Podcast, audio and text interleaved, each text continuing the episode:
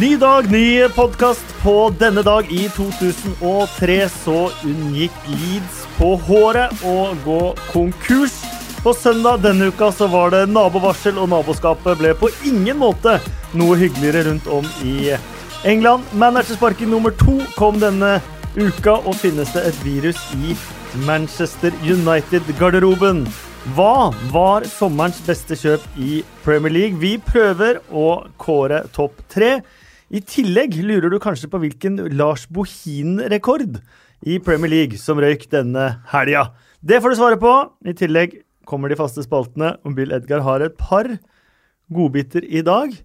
Og i dag har vi invitert to i én. Vi har invitert eh, en podkast inn. Eh, en av mine favorittpodkaster, om jeg får lov å si det selv. Oi. Heia fotball! Ja, halla. Tete Lidbom, Sven Biskår Sunde. God morgen, god morgen. god morgen En, en av mine favorittpodkaster. Når dere sitter sånn, regner dere som én eller to? Vil dere være én eller to i dag? Um, vi kan godt være én. Ja, vi, vi er Det er veldig en, koselig. Problemet med at vi, altså, vi har en, en til som er, sånn, sitter litt sånn indignert i, Ja. i, i, i Trondheim nå. Det skjønner jeg. Han mener at også han er en del av Så det er egentlig bare to tredjedeler Heia Fotball. Ja, jeg skjønner, men den ene delen som er i Oslo Nettsjef Lars, eh, snurt der du sitter. Du er med i tankene. Ja, men det som er greia I dag skal vi jo eh, forhåpentligvis snakke mest om toppfotball, så da, da er jo ikke han interessert. Han bryr seg egentlig bare om eh, breddefotball. Det er eh, helt sant. Vi skal faktisk en tur eh, inn i bredden eh, også. Den engelske bredden, da. Eh, og så har dere fått lekse. Dere har hatt hvor mange eks-Premier League-spillere som gjester, cirka? Oi. Uh, kanskje 20, eller? Ja Eller, det var Et sted mellom 20 og- et sted mellom 20 og 30. Ja. Ja. Og dere har da uh, fått lekse å skulle gjenfortelle og fortelle deres favoritthistorier fra disse over 20 gjestene. Ja, det blir veldig interessant, for jeg må ærlig innrømme at jeg har aldri noen gang eh, eh, altså forberedt meg så mye for en hel fotballepisode engang. så, så det her er den podkasten jeg har vært mest forberedt til. Men likevel så vet jeg at hvis jeg skal gjenfortelle en god historie av en person som har opplevd det, eh, så kan det være at det blir skikkelig dårlig. Det kan, Eh, det kan være. det kan være, det kan men jeg, jeg skal gjøre mitt beste. Eh, en som også alltid gjør leksene sine, det er liksom TV 2-sportens egen flinkis. Espen Ven. Takk for det. Og apropos flinkis, da. Jeg hørte bursdagspodden din forrige uke. og Jeg syns det vanka mm, urovekkende mangel på gaver. Så selv om ikke jeg fikk være med bursdagsfesten, så gratulerer med det. Så her får du en, eh, Oi, noe å kose deg med til kaffen. Hva, Jeg var jo, Ja, ja, ja. jeg var jo bedriftskeeper, eh, og jeg fikk aldri en smultring da. Nei, så deilig å endelig få min første smultring. Jeg er flinkis, smisker lærer. Så, eh, Ja, du var litt sånn som hadde med eplet til læreren på Ja, skolen. jeg var ikke det, men jeg skulle ønske at det var mer av det. Men det er jeg sikker på, at jeg sitter bak deg i klassen. Det, Det er jeg også det helt sikker på, på. Ja, antageligvis. På barneskolen så satt jeg ofte bak. Men jeg ble voksen etter hvert. Når, er det når var det det bikka, liksom? Når har du begynt å sitte, sette det på første rad? Nei, nå, nå ljuger jeg egentlig. Jeg var egentlig jævligst på barneskolen. jeg. Som på ungdomsskolen så, så prøvde jeg å skjerpe meg. da. Det gikk ikke så bra. Nei, nei. Ja, Så du var liksom Kjelsås skrekk? Nei, på ingen måte. Men jeg var, eh, jeg var skrekken til uh, befalet i militæret. Der var jeg et ordentlig rasshøl. Oi. Ja. Ja. ja. Det kommer du for en dag. Ja, det Ja, en dag. det må jeg si. Ja. Uh, skal vi begynne uh, med matchen på uh, Emirates? Eh, Arsenal 4, Tottenham 2. Og som eh, som Morten Nag skriver på Twitter, forferdelig timing for deg å komme hit, da, Tette. Ja, det var det, som eh, Tottenham-supporter. Samtidig som jeg har et såpass stort fotballhjerte at det å kunne få lov til å bli servert eh, den kampen altså det, Ja, det ble tap, men altså for en kamp. For en match. Altså, det, det her høres ut som jeg overdriver, som jeg kødder for å lage bilder på podkast, men jeg måtte bytte T-skjorte i pausen. Oi! Altså, jeg var søkkvåt. Men Bytta du da Tottenham-drakt, eller bytta du T-skjorte? Nei, jeg har vært på sånn rocketur i Berlin, eh, så, så det var ingen Tottenham- Tottenham-drakt eh, med ned. Så jeg bytta bare fra ett et eh, death metal-band til et annet. Det, og det betyr ulykke, faktisk. Da har du en, faktisk en ulykkes-T-skjorte nå, du. Ja. Andreomgangs-T-skjorte kan du aldri bruke igjen på fotball, det vet du. Den ligger igjen i Berlin. Den ta, gjør det. Ja, ja, ta det helt med ro. Fra et uh, nøytralt uh, synspunkt, uh, det er mye å ta. Det er hysjingen til uh, Dyer, det er straffa til Son, det er Abomeyangs både mål og banan skal kastes. Det er Alder Vereld på benken, Juan Foyt. Det er eh, Hvor skal vi begynne? Skal begynne med stakkars Foyt, da. Ja. Det er for en berg-og-dal-bane han opplever. Eh, Debuten hvor de vant, det er eh, to straffer imot der. Og så kommer skåringen eh, mot Palace, og så er det jo helt natta å gjøre det der i et uh, Nord-London-derby. Er Vondt av Juan Han serverte altså 3-2-skåringa. Ja, så det innmari òg. Eh, serverte til Ramsey, som vel serverte videre. Så nei, jeg, jeg, syns Jeg må ha vondt av han, jeg må, må si det. Ja, men samtidig så er det, det er noe sånn litt sånn uh, vakkert med måten han da liksom rett og slett skal bli fotballspiller på, ifølge Pochettino her. Fordi han kunne jo valgt å da ikke starte han etter Wolves-kampen, der han åpenbar, gjør vel to åpenbare feil. Men så er det Han, han, han stoler på han, og så sier han jo Pochettino da at eh, sånn her må jeg eh, liksom bruke troppen min for at vi skal holde hele løpet. Da er det jo åpenbart at uh, Alderweireld ikke er 100 Altså at han ikke velger å tenke kortsiktig. Og så greit, da skjer det her med Foyt. Men nå han, han har allerede rukket å vært opp og ned og opp og ned Ja, ja. i løpet av tre uker. Og han har debutert for Argentina, og Ja. fikk vel BB i sin Argentina-debut òg. Ikke sant? Så, så jeg føler jo at ved at Pochettino har brukt den da, eh, de ukene her, så har han jo nesten allerede gitt den den bagasjen han trenger til å skjønne at det her var veldig, veldig kjipt, men likevel så skal du få lov til å fortsette. Han har jo gitt han bagasje for hele livet. Det Altså, det skjer jo så mye med han fyren. Det er helt uh, ellevilt. Det er liksom er det, er det en ny Phil Jones vi har? Det er, under, det er underholdning i en, en eller annen ende av skalaen, uansett hva han gjør. Jeg vil nesten si at både toppnivå og bunnivået overgår Phil Jones. ja, Ja. utrolig nok. Um, men Alderweireld på benken, da. Mm. Uh, fått mye kritikk for det, spesielt i engelsk presse og sånt at han eh, ble der. Men vi har jo hatt foredrag med Danger Dave, eh, som har jobbet rundt uh, som, eh, som fysisk sjef i diverse Premier League-klubber. Mm. Og han sier at ingen er mer opptatt av, og ingen er flinkere enn, og ingen tar mer hensyn til fitness levels enn Pochettino og hans assistent eh, Jesus. Mm. Eh, som da er faktisk Han er den eneste som er fitnesstrener som assistentmanager. Ikke sant? Eh, så man må nesten bare stole på at Pochettino har full kontroll på det. det Ja. han, er uangripelig. Ja, og er det det går til helvete. Ja, og det er jo sånn, det er kanskje også det som gjorde at han gjorde byttene sine så sent. For det mener jeg Altså, det at han starter med Oliver på benken, det er én ting, men han gjør første bytte når det, når det allerede er på en måte kjørt, etter 80 minutter. Det er nok mer spesielt med tanke på at Emery virka å vinne eh, den taktiske kampen med, med formasjon 3-4-3, og så flytta jo egentlig Pochettino og Dyer ned, så hadde, altså Tottenham hadde tre bak. Men det virka bare som det ble verre. Mm. Det er sånn utrolig merkelig altså Sist uke så ble jo Pochettino hylla for at han outsmarta eh, Chelsea-far, liksom, men eh, det, vir, det, det virka som han eh, Altså, jeg er litt usikker på hvorfor han brukte så lang tid da, på, på å reagere på Emily sin, eh, sine sånn taktikkerier. McLaren, sitte høyt på tribunene i, i første omgang, og så gå ned i pausa. Da får man oversikt. Ja, legendarisk. Men det, men det der, det der eh, jeg tenker jeg faktisk mye på. At når du er på fotballkamp og står nede på matta, du ser jo ser jo Nei. ingenting. Det er, det er utrolig ironisk at det er liksom 70 000 på en fotballstadion, og så er det treneren som, som ser dårligst hva som skjer. Men de har eh, 10-15 mann sittende på rad rekke. På Ja. øverste rad. Og så skal vi jo huske at det er ingen som, og ingen som sitter dårligere enn trenerne på San Siro, eh, for de sitter jo altså faktisk under. eh, Under matta. Du ser bare skotuppene jeg sitter i det setet der som bare Her går det ikke an å sitte. Det er jo ikke mulig. Er Unai Emery the real deal? Virker jo å være det. Mm. Uh, utrolig nok. Etter uh, Altså, det er jo så store sko å fylle. Man tenker jo eh, er det en eh, ny David Moyes? Men så kommer man kanskje på at Altså, Emry hadde jo en fantastisk karriere fram til han eh, gikk til PSG og liksom fikk litt motgang. Men han har, han har jo Ja, levert selv om han fikk motgang her, så raska han med seg det som var av det er en fal falsk eh, form for motgang. Ja. Ja. Så han, han fikk jo Jeg må beklage denne ekstreme forkjølelsen som gjør at jeg har litt, litt rar stemme. Men han eh, Ja, du vet det. Jeg eh, har jo fått bihulebetennelse noen ganger, og det er sånn som sitter i litt. Ja. Eh, og det er dumt når man lever av å, Å snakke. å snakke. Så jeg husker det var én på Twitter som bare fikk nok for et par-tre-fire år siden. Kan noen se til helvete å få Vikstad av skjermen? Til de her bihulene har løst opp. Men nå er det heldigvis ikke uker det er snakk om, det er bare en liten time, Sven. Ja, ok. Ja, ja. Men eh, jeg, skal, jeg, skal, jeg skal prøve å holde snakkinga på et minimum. Men eh, nei, eh, imponert over Emre, og jeg må bare si det liksom jeg hadde, Vi har gjort oss Vi har på en måte snakka han dårligere enn det han var, kanskje. For han har jo på en måte egentlig levert gjennom hele karrieren, og det han har fått til nå, virker jo å være eh, bunnsolid. Så det er veldig spennende det som skjer i, i, i Arsenal for tida. Vi, vi sa vi skulle innom straffen til eh, Son. For meg er den soleklar.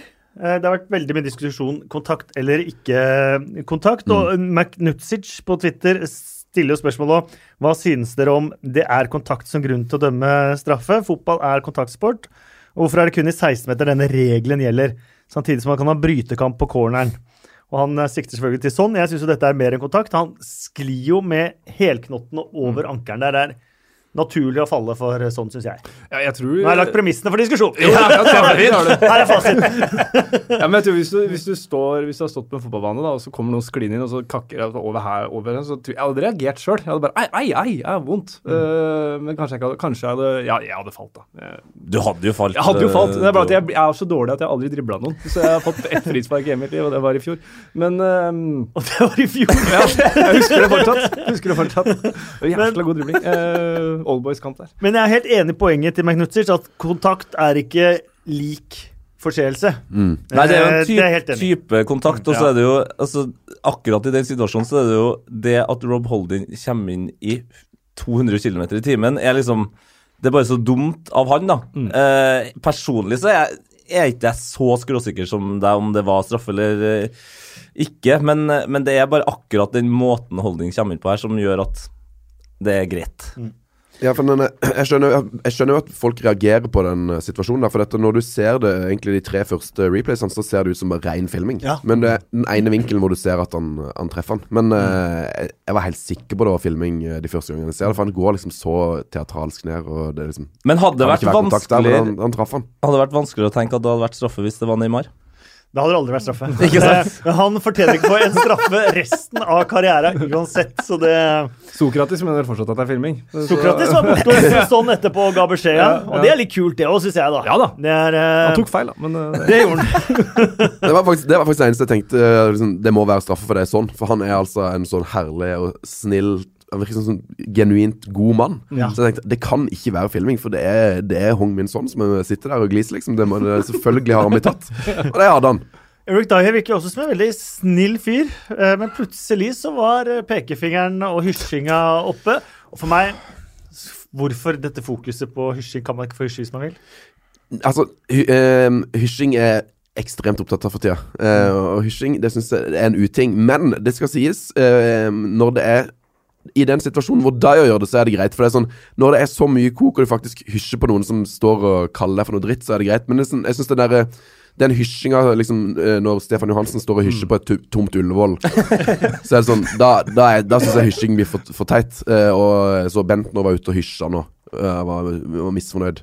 Bare så, Kan du ikke heller kose deg med at du har vunnet to trofeer og skåret to mål, enn å drive på konsentrere deg om å hysje på folk? Men uh, når, eh, når Dyer uh, hysjer der hvor det er altså romersk uh, krigsstemning, altså det er helt uh, gladiatoren, liksom, så gir det jo en litt ekstra krydder. Så jeg, jeg liker hysjing i den situasjonen der.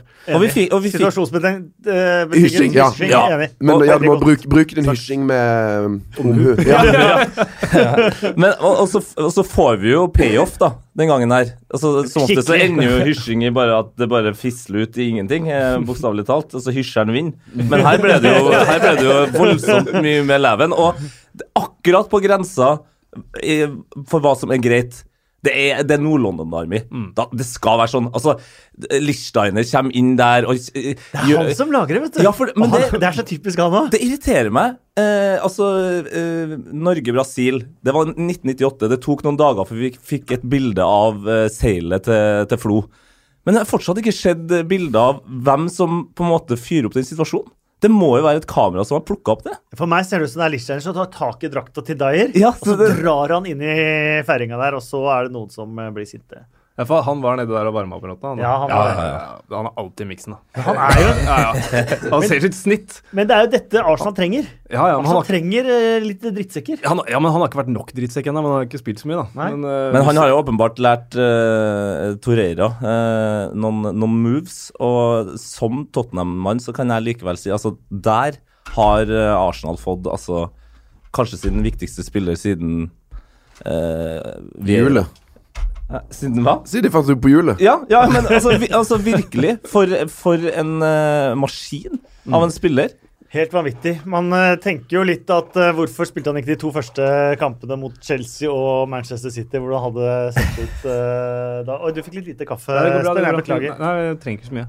Eh, For episk eh, kanne. Altså, det, nå er vi jo dessverre ikke på TV, da, men altså, det her er jo eh, et klenodium. Dette er et Det er jo eh, faktisk TV-kanne der. Det er en TV-kanne, rett og slett. Eh, Vi må bare til det helt eh, siste. Det, mm, vi har jo sett in the dark ages.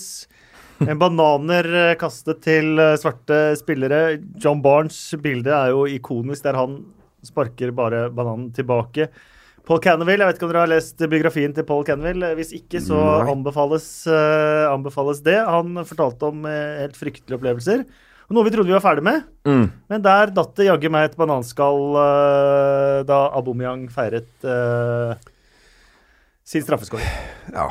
Ja, det er jo eh, meningsløst, selvfølgelig. Uh, og det Ja, man, man tror jo liksom at vi har kommet forbi det her. Eh, og jeg vet jo at, at Tottenham-supportere har jo veldig lenge eh, liksom vært foran, da. Spesielt kanskje i, i London sammen med Arsenal, mens uh, Fulham uh, Kanskje ikke Crystal Palace, men Chelsea har hatt slitt mer med den type holdninger, da. Og så er det én fyr da, som skal kaste bananskallet. Og så er det sånn Kanskje han trodde det var morsomt, men det var, altså det, så, det var så langt unna morsomt som du, som du får det. da. Ja, det er fullstendig forkastelig. Samtidig så kommer forklaringen hans i dag. Åh, Han er jo en Det kaster han! Ja, han er, jo en Wow. gre han er en greker. Ja, det er jo ikke Eh, forklaringen nok foreløpig, hvis, jeg han, skal- hvis jeg får lov til å så ta han mener jo at det i seg selv gjør at han ikke kan være rasist. Eh, hvis, man ser, oi! hvis man ser på uh, en, det, Hva heter det partiet i Hellas? dag, Golden Dawn, eller Ja, i Ja. Dager eller noe sånt, Ja. så er ikke det en plausibel forklaring. Men Uh, han sa da at uh, han ble så sint da Aubameyang sto og feira rett foran dem, at han så et bananskall som lå mellom benkeradene. Det kunne like gjerne vært en kopp, eller det kunne vært et eple, eller det kunne Ja, vært hva som helst. Han bare tok det han fant, og så kasta han det, og så kom han på etterpå at det kanskje ikke var Ja. Veldig heldig. Han har ringt til Tottenham og beklaget seg, og det eneste Tottenham ville si til han, var at de tok kontakt med han tilbake for å bare gi han utestengelsen på livstid. Ja, det er i hvert fall godt levert av Tottenham. ja. Det var utrolig det er, altså, Jeg hadde håpet, sitt... når, du, når de først har fått tak i han fyren, så hadde jeg liksom håpet at han hadde mer å komme med. Ja, men det, det der er sånn Det hadde vært bedre om han ikke forklarte det, Ja. enn at han fant et bananskall mellom Altså, hva Hæ? Nei, det er for dårlig, altså. Når, Ja. eh, når jeg var på Emirates samtid- eh, sist, eh, så var det Jeg var faktisk på, på Arsenal Tottenham for noen år siden. Eh, og da var det en fyr som sto på sida av oss, som ble så sur at han heiv telefonen sin ut på banen når uh, Adebayor skårte. Og da skjedde det noe helt uh, magisk. For han ble så forbanna, kasta telefonen inn på banen. Eh, og så summa han seg. Så gikk han bort til vakta. Hei, vakt. Jeg kasta telefonen gidder du? Og så gikk vakta, henta telefonen, ga den tilbake til han. Så gikk det greit. De løste det på den måten. Ja. Jeg var jo i Istanbul og kommenterte Besjiktas Sarpsborg. Der, har de- der har de faktisk en bedre ordnings. For der står de på hjørnene utafor oss og selger eh, kasserte mobiler og nøkler. sånn at man kan kaste det uten å miste sin egen mobil. Ja, det, er- det er fantastisk, faktisk. Bare med Tyrkia, altså. Fantastisk. Vi går til en uh, ny nabomatch. Liverpool mot uh, Everton. Liverpool vant 1-0, seks minutter på overtid på et av de sykeste målene vi har sett i en sånn kamp. Ja, jeg, kan, jeg prøvde å tenke Egentlig siden det treffet, har, jeg sett noe et rare, et, et dust mål avgjøre en så viktig fotballkamp noen gang? Jeg kan ikke huske det. Det er, det er helt sjukt. Helt uh, ellevilt. Ja, så er det jo sånn Pickford har jo fått så mye crap fordi at han er liten. Det er han. Og det er han jo. Ja. Det er et fakta. Altså, han, han er en lav keeper. Eh, og så, så som eh, pappa alltid sa til meg, at uh, ikke bli så irritert på dem som er lavere enn dem. uh, lavere enn deg. De vil rope høyere, og de vil mase og styre. Men det, det er deres måte å kompensere på. Og det på en måte føler jeg også det er det Pickford gjør her. da, sånn at han Nok en gang da får det her fokuset på at han er en liten for, Altså, hvorfor skal han opp der? Jo, kanskje han har en idé om å få tak i en, ta ned og sette ut en kontring, kontring av han òg, ikke sant? Han vil i hvert fall ikke gi corner, for det er det farligste å gi bort til England. Ikke sant? Og når da Divock Rigi får lov til å heade eh, den ballen inn med øret, bare for å gjøre det liksom enda mer Og så Altså, Twitter var jo et vakkert sted, da, for det, altså, alle som skrev der, var Jeg tror han var seriøs når de spurte sånn Spiller Divock Rigi fortsatt i Liverpool? Det var mange som var overraska over, ja. Altså Nesten så hadde de ikke hadde fått med seg at han blitt bytta inn engang. Ja. Og så, så står han plutselig der og, eh, og header den inn med øret. Nei, nydelig, nydelig Den hadde nok gått over. Hvis, eh, oh, ja, ja, ja, ja. hvis han ikke hadde vært uh, borti den. Han, han, han skuper den på en måte inn igjen. Ja, altså, jeg tror Hvis du hadde gjort det der 100 ganger, så tror jeg jeg tror, jeg kanskje, kanskje Pickford Han hadde kanskje ikke klart igjen å få Altså Det er så vanskelig å få den ballen verken ut eller inn. da Altså Enten så går han ut, eller, eller så må du liksom få den ordentlig inn. Men liksom å gjøre akkurat det han gjør der, det er umulig å gjenskape. Jeg har sett den skåringa før, faktisk. Har du? Ja. Jim Layton. Åh. Den gode gamle Manchester United-keeperen på Carrow Road, faktisk. Ok. Det var jo Har sånn gjort noe lignende. Ja, det var jo sånn Da jeg vokste opp, så var jo uh, Norwich mot, mot Manchester United var jo seks, seks, seks sikre poeng hver, hver sesong. Mm. Eh, 2-0 hjemme, 2-0 borte alltid. uh, så dette var en 2-0-skåring. Robert Flekke som sa- hadde rollen til Divok og Rigi. Wow. Eh, og apropos da denne tverrlegger og sånt nå, har, jeg vet ikke om du så på YouTube. Det ligger mye rart på YouTube. Det gjør det. Uh, men en kons- der, en, en konspirasjonsvideo der han mener han har funnet bevis for at det finnes magnet i ballen og magnet oh, bra. i tverrlegger for å rigge kamper. Jeg så den videoen, uh, og da skjønner jeg at det er så mye gærne folk i verden, altså. Er, Oh, ja, så du mener at det er usannsynlig? Ja, jeg mener, ja, det er helt absurd. Det er, det er noe av det rareste jeg har sett noen gang. Altså, han har så bestemt, okay. Er han dansk, eller? Eh, Han høres sånn dansk aksent ut, for han trakk frem et sånn Thomas Delaney-mål også, som ja, den skruen er helt Ja. det er bevis på magnet og alt mulig sånt. Men det er jo sikkert noen som er enig i det. Her er det jo egentlig bare universets kaos som slår inn. Så Men du, det- mener at, du mener at Elvis er død, og at uh, Tupac, uh, okay. er- Tupac er Ja ferdig. Ja, Ikke det- sant? Men, men det er jo det, Det som er så for. uh, Det er det som er så trist der for dem som er mest på sånne her konspirasjonsteorier, eh, som mener at uh, skoleskytinger og sånt ikke finnes, og eh, altså det ene og det andre med jorda er flat. De virker jo å ha uh, hatt et kjedelig liv, og nå funnet noe spennende er sant. som de kan leve med. Men han her er jo åpenbart fotballfan, Ja. og da har du jo ikke et kjedelig liv. Så her er det jo faktisk noe galt. Så her er det jo virkelig Den mannen må jo ha hjelp. Eh, altså det er, nei, det er noe av det mest søkte jeg Hørtes ut har som en god gjest for Heia fotball, egentlig. ja, kanskje det. Kanskje det der. Det stykket. Jürgen Klopp han eh, raste inn på banen da 1-0-skåringa kom. Han uh, omfavnet Alison. Mente etterpå at han sa unnskyld til Marco Silva. Ja. Det mente Marco Silva at uh, hvis han har gjort det, så har ikke han hørt det. uh, er det respektløst å kaste seg eh, inn? Rasmus Wold, som hadde podkasten You'll Never Talk Alone, Hei, Rasmus. Hei, Rasmus. Vil gjerne høre hva dere, men dere nøytrale mener om feiringa til Klopp.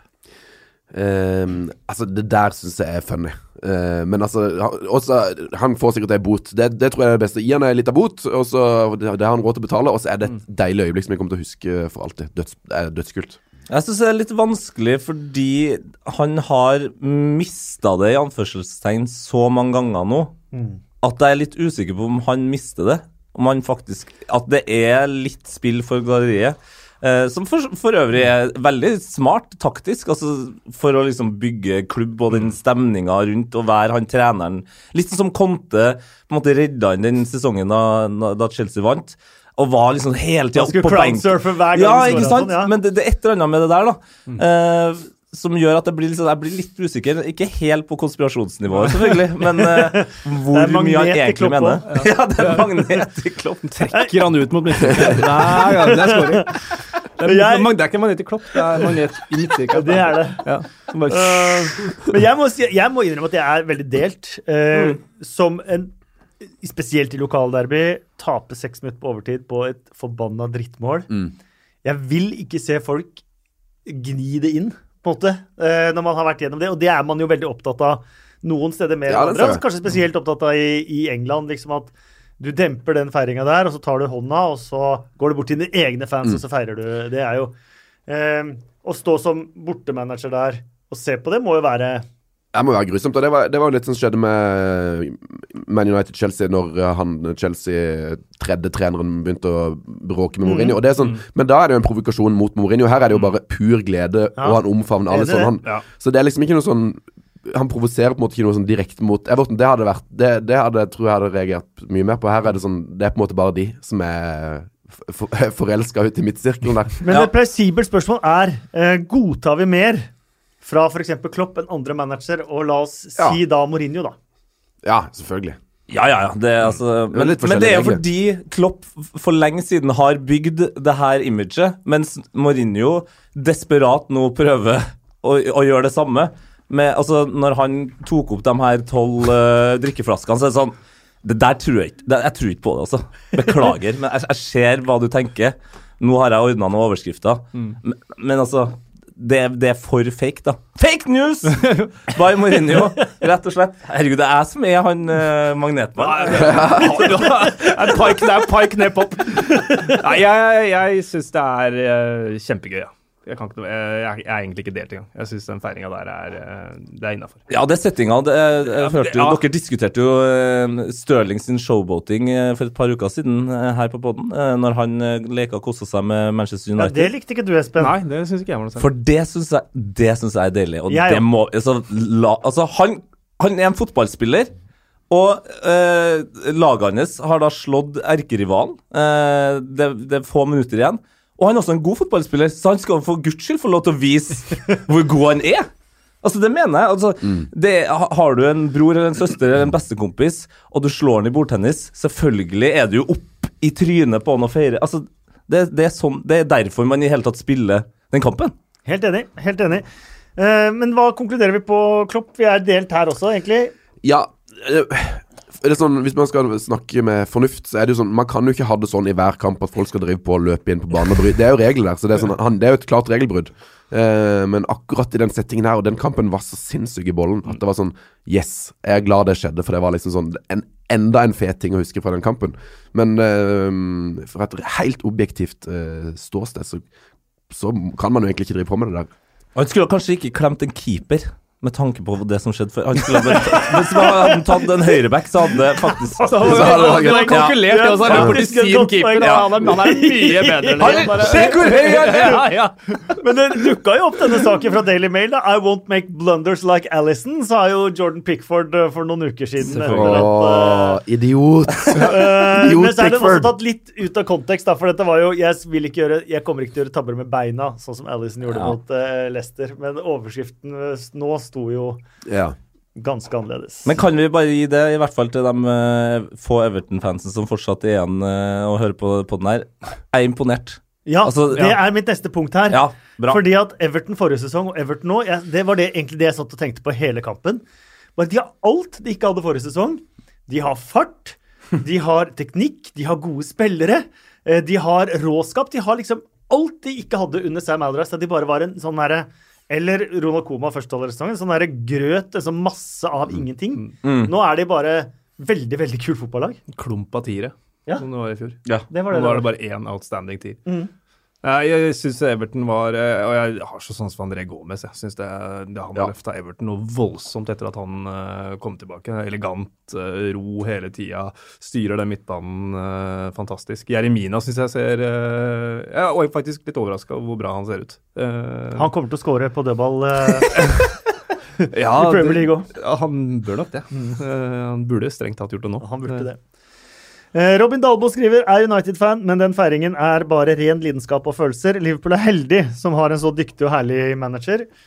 Litt stikk til egen manager også, kanskje, fra Robin der. Robin skriver mellom linjene han gjør det. Ja. Ingen tvil om det. Gabriel eh, Haaland. Hei, Gabriel. Han var også Nå har vi nesten tatt eh, egentlig hans. Snakke litt om Everton-laget som går i strupen på Liverpool og endrer totalt spillestil siden Marco Silva tok over. Hele atmosfæren endrer seg på Goodison og begynner å virke som det fortet det en gang var igjen.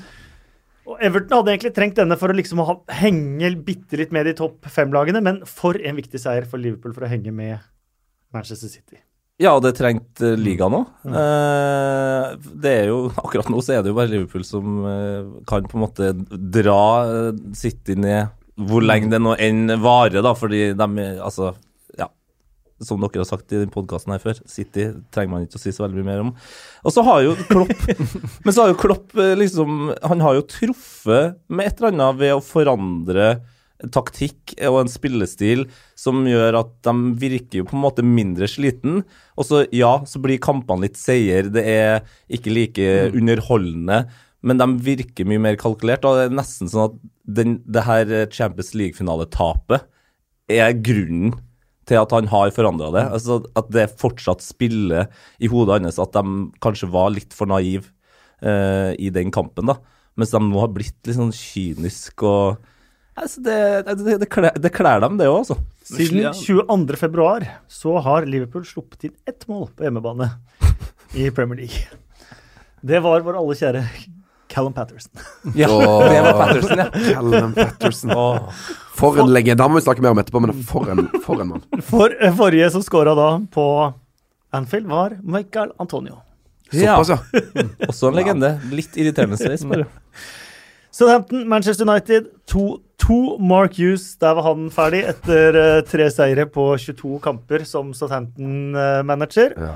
Tok visst en veldig følelsesladd eh, avskjed med spillerne i går. Eh, de som også måtte gå, er jo da ja, eh, Mark Bowen og Eddie Nidzwiecki. De tre er jo et team Ja. overalt. Mark Bowen, en av mine all time favorittspillere, så han unner alt godt. Så han, det er kanskje tid for han også, så hva er det heter? Kjøre for egne sjanser? Ja, altså, hvorfor ikke? Hvis han har holdt ut med Mark Hughes i så, så mange år, så Ja. må han jo ha noe. Og det er visst han som er bad cop, ifølge Brede Hangeland, i garderoben. Ja, det, det er imponerende. Yes, og Mark Hughes De kjører nye Bad Cop, Bad Cop, da? Eller? Nei, for Mark Hughes er ikke så bad cop som, cop? eh, som Mark Bowen. Wow, han Ja. slår meg ikke som noen good cop-type. Men var det, men var det følelsesladd uh, fra spilleren òg, eller var det bare Markus? Det var, det var respe veldig respektfullt fra spilleren. Ja, ikke sant? Jeg kan Ja. tenke meg litt glassaktig blikk der. Bare, ja, jeg blir ferdig med det. Mm. Eh, Ny- ny Stein Collymore skriver i dag at Markus nå burde være ferdig som manager og kanskje satse på en stilling litt opp i sånn sportsdirektør-type. Ok, ja. Ja. Jeg tror kanskje han bare skal konsentrere seg om å Få en jobb. Nei, å leve et hyggelig liv. Ha det, altså, fordi For han har hatt det mye vondt. Ja, det virker som han har vært, ja, men det virker som han har vært eh, fotballtrener på trass i, Ja. i fem år nå. Og, og da, da skjønner jeg at eh, det eneste insentivet for å gjøre det, er å tjene penger. Og nå tjener han jo like mye penger eh, ved å bli sparka som å faktisk trene Southampton. Så slapp av. Slapp Gjør, av. gjør noe annet. Kos deg. Kanskje han og Eddie og Mark kan dra på ferie? Ja. Det er, sånn, ja, de, det er for at de fortjent nå. Mm, de har det. Han kan bli dommer. Det var mye Ja, det er chill. Han, han veit jo mest om det, i hvert fall. Ja, ja. absolutt. Um, men uh, han, det sies jo da at han har fått beskjed om at han egentlig har sparken før man, uh, matchen mot Manchester United. Ja. Uh, og startoppstillingen bar vel egentlig litt preg av det òg. Mm. Det var startoppstillingen til mannen som kastet sine aller siste kort. Jo, men- ja, men- Ja, men samtidig, altså, jeg har sett mye Manchester United-kamper de siste årene. Uh, og det trikset mot Manchester United, det er bare å starte med noen folk som ingen noensinne har hørt om før.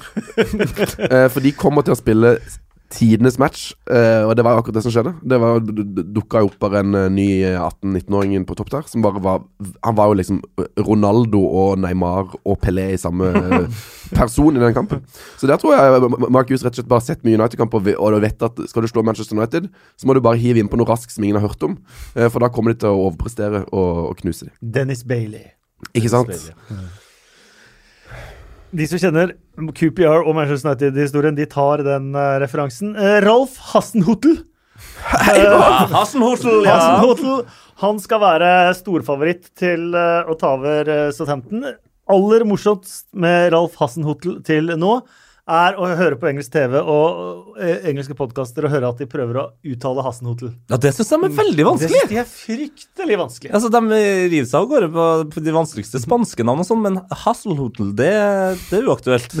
Helt uaktuelt. Men, eh, men eh, åpenbart en god, god manager. Han gjorde seg bort i Leipzig. eh, litt Leipzig til faktisk. andreplass. Rasenballsport. Riktig. Ja. Rykka vel opp dette her eh, laget til Ørjan Nyland og hva het det? Ingolstadt. Ingolstadt. Ingolstadt, ja. ja. men, men altså, det er jo Man må få bare håpe at, at Southampton går tilbake til den eh, tankegangen og varianten de hadde tidligere, med at de skal bygge et lag eh, og, og en stil, eh, ikke minst. At de ikke nå fortsetter å plukke fra den her britiske trenerkarusellen av eh, gamle surremenn som bare skal være der for å heve en lønn. Jeg så Moyes var linka der allerede. Ja, han, han linka jo seg sjøl. Det, det, det er så fint. Han satt jo på cupfinaleseminar, han. Og kanskje teksta litt. Ja. Ja. Godt tenke meg å stille der. Apropos gamle sure menn, han har sagt. Eh, José Mourinho skal ha kalt eh, Paul Pogba et virus. At Pogba svikter laget, svikter fansen. Det også høres ut som en uttalelse for en som kaster de siste kortene. Ja, altså eh, Mourinho hadde jo passa i en norsk TV-serie som gikk viralt for noen år siden. Eh, altså Han oppfører seg som en 14 år gammel eh, jente eller gutt på en videregående skole, hvor det bobler over. Altså Den her feuden med Pogba, altså den begynner å gå over i sånn altså tegneserie. Det er Looney Tunes. Han er en voksen mann, han er en manager. Det er hans oppgave å få det laget til å spille så bra som mulig, og så skal han plukke på, på sine beste spillere til enhver tid fordi laget ikke gjør det bra. Eh, Det forst jeg, jeg forstår virkelig ikke hvor han vil hen, da. Det her er ting det er det, det er det som er problemet. Skjønner, hvorfor skal han være så sur på alt og alle hele tiden? Hva skaper det av ting? Ja, han, Etter at de slo Young Boys òg. Ja, ja. og, og da starter han jo helt rolig, men så virker det som han han klarer å, å, agitere seg selv opp ved det han sier selv, og til slutt blir han kjempesint, sier jeg har gått videre hvert år! Og den ene gangen var i Europaligaen, så vant Europaligaen, ha det bra! Ja, Og så altså, er det rett ut. og her må vi huske på, det her er den manageren som på en måte knakk pressekonferansekoden. Altså Han kunne vinne kamp, flere kamper på rad han, ved å uh, si de riktige tingene i, på pressekonferanse, mens nå så bare bryter han ned uh, topp fotballspillere uh, gang på gang. Og jeg, han kan jo si det her til Pogba face to face. Men det virker jo som han ikke tør å gjøre det. Du så jo den der videoen Var det ikke det han gjorde i garderoben nå? jo, men, men du så jo den videoen fra trening, treningsfeltet. Der Ja. Han ser jo ikke på Pogba, men han slenger jo åpenbart noe dritt. Ikke sant? Altså, det, nei, det, det her er forbi meg, altså, hva, hva som foregår i det voksne hodet der. Sven, du er eh, vel Manchester United? Ja vel, jeg sitter, det er faktisk pålagt av NRK å si at jeg sitter jo i styret i Manchester United sin supporterklubb i Norge. Så jeg er jo, er jo ekstremt inhabil her. Mitt inntrykk er at i England, og heller i Manchester eh, så, og på Old Trafford, så er veldig mange drittlei av Mourinho. Mens på sosiale medier så er det veldig sånn der vi skal forsvare Mourinho for å vise at vi er fans. Må jo det. Eh, eh, men Må jo det. for oss som sitter på utsiden, da, så er det liksom sånn Jeg har elska Mourinho, og jeg syns Mourinho har vært helt fantastisk, men også jeg begynner å bli lei. Mm, jeg òg. Og det er det som er så utrolig irriterende. For det er liksom sånn alle, altså, alle har jo digga Mourinho siden dag én. Han var jo så fet, og han eh, lyktes jo med det der, og han var liksom alle mot oss og skikkelig eh, var bad guy, men han, han vant trofeet, og det, de vant uansett. Og så kommer han til United, og så på en måte Og så er magien vekk. Så det er jo på en måte Så det irriterer han òg. For nå, har- nå har vi fått Mourinho som jeg har drømt om å få i ti år. Eh, Og så suger han bare. Det, og, og det suger òg ut, liksom magien av klubben og energi fra alle. Nei, det, det er tunge tider. Eh, det, men jeg skjønner hvorfor folk støtter han. For jeg har jo ikke lyst til å tenke at liksom løsninga er å sparke treneren. For det er liksom sånn Nå har vi sparka så mye trenere, vi må bare fikse det her sammen og bli Manchester United igjen. Men eh, det virker jo ikke som det går. For nå det er bare sånn Hver gang vi får en opptur, så får vi en nedtur som er dobbelt så stor, føler jeg. Det, som, det har vært sånn Juventus-kampen, liksom. Herregud, du vinner der. De har snudd noen kamper og sånn. Og de Young Boys òg. Du vinner på overtid, men så er det bare Det er ned igjen. Hver gang. Dobbelt så langt ned. Herregud, hadde det ikke vært for at du mest sannsynlig er syk, så hadde jeg gitt deg en klem nå. Altså. det virker Det ble, ble nesten rørt. Mest sannsynlig syk. Altså, jeg Jeg er så sjuk, jeg nå. Jeg er verdens beste kjølermann. mann. Ja, men altså, det er Nå er det jo en klubblegende som er blitt leder på markedet, da. Markus? ja, ja, ja, nei. Det, er- det er ikke morsomt. Det. Nei, nei, det er faktisk Det er faktisk helt Det, er, det hadde vært bekmørkt, og det skjer jo ikke. Men det er jo som du sier også, Sven, at du får opptur mot Young Boys på overtid, og så er, går det et kvarter, og så står eh, Mourinho og skjeller ut Marcus Rashford i uh, intervjusonen etterpå. Når han får det oppspillet der, ja, mm, spilte han en bra kamp? Ja, man skårer ikke mål. Ja. Altså, det, er så, det er så gang etter gang etter. Alle ser jo kvalitetene til Rashford når han skrur på mot Southampton også. Men det er en gutt uten selvtillit, liksom. Og du får ikke selvtillit av en sånn manager. Jeg, jeg har også vært veldig glad i Mourinho, men eh, Eller mor- fan. Glad i jeg kanskje litt Nei, Ja. det er veldig Kan glad i han nå. Ja, ja, det kan jo det. Men det var liksom før var det alle mot oss, nå er det alle mot meg. Og det, Ja. det Det er er en kjempeforskjell. Eh, for alt det han gjør er riktig, og alt det andre gjør er feil. Alt du sier er feil, liksom. Mm. Eh, så det er, eh, det er så negativt. Det er så forbanna negativt. Eh, så ja, det blir ikke bedre med Markus. Det er- det en- eneste Jeg tror jeg riktig vurderer Ja. Markus. Nei, det, men altså, det er på en måte Jeg tror øyeblikket der jeg skjønte at nå nå er Marcus ferdig i Southampton. Det var når Southampton gikk opp til 2-0 mot Manchester United på det frisparket til Cedric. Så så du åssen Marcus feira. Ja. Han, han kunne ikke tro sine egne øyne. Han bare sånn han var bare sånn Hei, skal jeg lede mi? Lede drittlaget vårt? To, nei, nei, det her Og det var sånn. Og så skal du, for jeg tror også det her var da Cedrics aller første frispark på no, no, Altså, hun, han har spilt over 100 Det kamper. er akkurat 100. Akkurat 100 Hans var det, ja. første mål. Ja, også hans første mål, men også hans første frispark. Eh, så jeg tror også Markus var bare sånn Å Ja. ja. Så det òg skjer nå, ja. Ok, så det, det er ingen som hører på meg. Men så scorer dere. Så det, det funker åpenbart. Apropos det. Eh, vi skal gå videre nå til eh, det jeg gleder meg mest til. Heia fotball eh, spesial inne i Premier League-podkasten. Men eh, så dere Steve McLaren da Angel Rangel scora for eh, QPR? Nei. Eh, Angel Rangel eh, mål nummer to for QPR, og så zoomer de inn på Steve McLaren, og han er rasende. Og du kan lese på leppene What the fuck is he doing up there? Kjempeforbanna for at Rangel hadde vært helt der oppe og skåra mål. Deilig. Det er management. Nå, folkens, favoritthistoriene fra Heia fotball. Det gleder jeg meg til. Jeg har hørt de aller fleste episodene. Jeg har en favoritthistorie selv. Jeg har egentlig ganske mange favoritthistorier. Oh.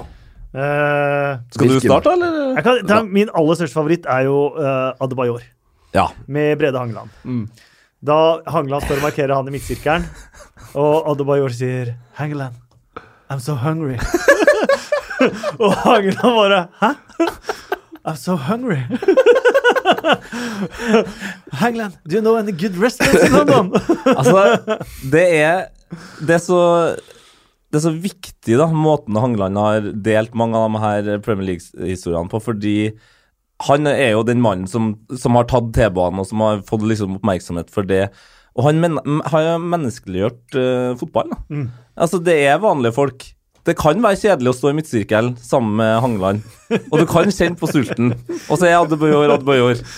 Og, og så står, står det en norsk fyr og skal eh, anbefale uh, Adebayor en restaurant midt i en Premier League-kamp. Altså, det er, det er helt nydelig. nydelig. Eh, vil du starte, liksom? Eller har, altså, Um, en favoritthistorie? Mm. ja, hvis jeg har stemme til det, da. ta en kort en, da. Altså, det er på en måte ikke en historie, det er mer en faktaopplysning. Eh, men uh, når vi hadde besøk av Jan Åge Fjørtoft um, Når han da fortalte at eh, når han var i Middlesbrough, så hadde han altså bodd på et slott. Ja Det, det, var, det, det kom så overraskende på meg. Uh, det likte jeg veldig godt. For det var noe med at uh, Middlesbrough var jo en sånn slags uh, nyrik-fase hvor de henta inn han der Juninho. Det var ikke måte på. Og når de da hadde signert Juninho, så skulle Jan Åge Fjørtoft da hjem etter trening på slottet sitt, som han bodde på. Fordi at eh, Middlesbrough hadde da kjøpt et slott som Fjørtoft hadde en leilighet inni. Og da kom han seg ikke inn på slottet. Fordi at eh, det var stengt for eh, noe slags pressetreff, og det var så mye eh, presse der som skulle se på da at uh, Juninho ble presentert. Eller noe sånt. Mm. Så bare den tanken på at Jan Åge Fjørtoft har bodd på et slott I oppe i Middlesbrough. Middlesbrough, det, det er så Det fascinerende. var for øvrig en veldig bra episode, det òg. Ja, det, det- Det, han har litt av en karriere, og har legende både i, i England og Tyskland. Eh, nei, altså, en av mine episoder eh, er også delt opp i to. Så bra var han at vi måtte eh, Nå snakker du Steffen Iversen. Det er Steffen Iversen. Åh, det jeg elska Steffen Iversen-episodene. Ja, og det er altså så mye der. Eh, og vi vet jo alle, spesielt vi nordmenn, at Steffen Iversen hadde jo kunne ha blitt en enda større fotballspiller og hadde ikke vært skada hele tida. Eh, og han avslører vel En av grunnene til at han var så mye skada, er jo eh, mangelen på eh, altså medisinsk intellekt i Tottenham når han kom. Fordi da hadde altså de leid inn noen nederlendere som mente at de hadde funnet svar på hvordan man skulle eh, løse eh, fotballspillere sine skader. Uh, Steffen Iversen hadde sjøl på det her tidspunktet fått en lyskestrekk. Uh, og da kom altså de her nederland, nederlenderne opp fra Amsterdam med noen trepinner som de da altså da klemte på plassen du hadde vondt, så lenge at det ble vondere. og som Steffen sa, at det store problemet er at det ble jo enda vondere i lyske, lysken, men de klemte jo så lenge at liksom eh, Det spredde jo seg. Og akkurat rundt lyskeområdet så er det litt sårt. Er. Så, så, det var sånn eh, Man trodde jo at det skulle bli bedre etter, etter noen år, men, eh, men, da var den eneste løsninga på å bli frisk var at altså Han forklarte aldri ordentlig, men det var at de satte en maskin som varma det samme området. Så det ble klemming og varming. Uh, og det er mest sannsynlig en av grunnene til at Steffen Iversen uh, var så mye skada. Var så mye skada, da. Fikk så mye behandling. Det var jo en annen her i Steffen Iversen her òg, faktisk. Eh, da, de var, da Will Smith hadde premierefest. ja, ja, han var god. på byen med Tottenham-spillerne, og ingen slapp inn til der hvor Will Smith og de andre var.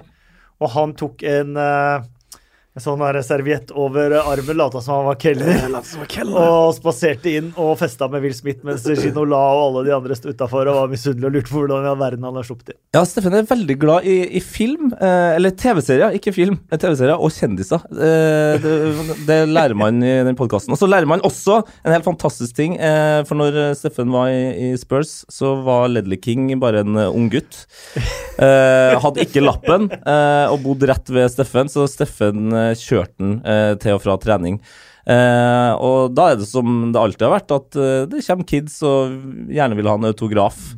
Eh, hvor det viste seg at Lelle Ledley King aldri har skrevet en autograf før. Og utrolig nok, tenker jeg òg, som fotball Altså, du er i fe- ferd med å bli liksom den beste unge stopperen noensinne. Du må ha øvd på det. Altså, det har jo jeg til og med gjort. Jeg gjør det fortsatt. Men det er forskjellen på det og Ledley King, da. Men Han, da viste han det seg brukte at- ikke tida si på å øve på å skrive autograf. Nei, men da viste det seg at eh, 19 år gamle Ledley King skriver autograf med blokkbokstaver. det syns jeg var fint. Eh, og apropos eh, autografer, eh, Tottenham var også på en sånn norgesturné når de hadde Jerry Francis som trener. Eh, og jeg lurer på om de var i Lillehammer-området eller noe sånt, skulle Ja, spise. ja, ja. Der Alle var i Lillehammer-området. Ja, det var- og det er kanskje derfor de er så dårlige i fotball her. for de venter egentlig bare på at storklubbene skal komme tilbake. Men da hadde de fått servert noe norsk mat, uh, og Jerry Francis får da, eh, får da levert uh, I hvert fall det han tror, da. Levert et flatbrød som han begynner å skal signere på. ja, men sånn, ja, den servitøren her er fotballinteressert, det er det ingen tvil om. Det er bare å gå inn og høre på Heia fotball hvis du har noen flere av de historiene jeg hadde glemt. Det der, også. Det veldig god. Jerry Francis, en innovatør for øvrig. En av de første som begynte å Innen hår. Ja, og innen videoanalyse. Å, er det sant? Ja. En av de aller første som begynte å bruke VHS-en aktivt. Oi, ja. Så, Ser jeg for meg at det er en av de siste som fortsatt bruker den. ja, det skal du ikke se bort fra. Altså, Hvis ikke dere har sett eh, håret til Jerry Francis, det er, altså, det er bare å google. Det er, det er timevis med moro. Eh, da har vi noen kamper igjen. Vi trenger ikke gå veldig hardt inn på noen av dem. Eh, Manchester City slo Bournemouth eh, greit 3-1. Og her kommer Lars Bohin-rekorden som røyk. Ok Raheem Sterling har skåret nå i seks strake kamper mot samme motstander. Han har altså skåret i seks siste kamper mot Bournemouth. Eh, Lars Bohinen skåret i fem strake kamper mot Sheffield Wednesday. Nei! Det er jo nesten enda mer imponerende av Bohinen. Eh, er og, men spesielt med tanke på det forrige målet til Stirling mot Bournemouth, er jo en av de mest provoserende målene. Det var vel helt... han skåra på overtid på Ja. Vitality. Ja. Ja. Men, men, men Stirling må altså nå få den kreden han fortjener. Det var en eller annen som hevdet nå Her står jeg at Stirling er Premier Leagues beste fotballspiller.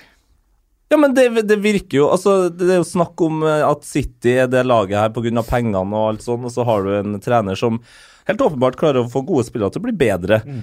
Men det er jo ingen som har tatt et så, eller så store steg, da, som eh, Raheem Sterling. Altså, det, Er nå det er det han som har- driver det angrepet. Bare et kjapt spørsmål. Er det fordi vi har glemt hvordan han var i Liverpool?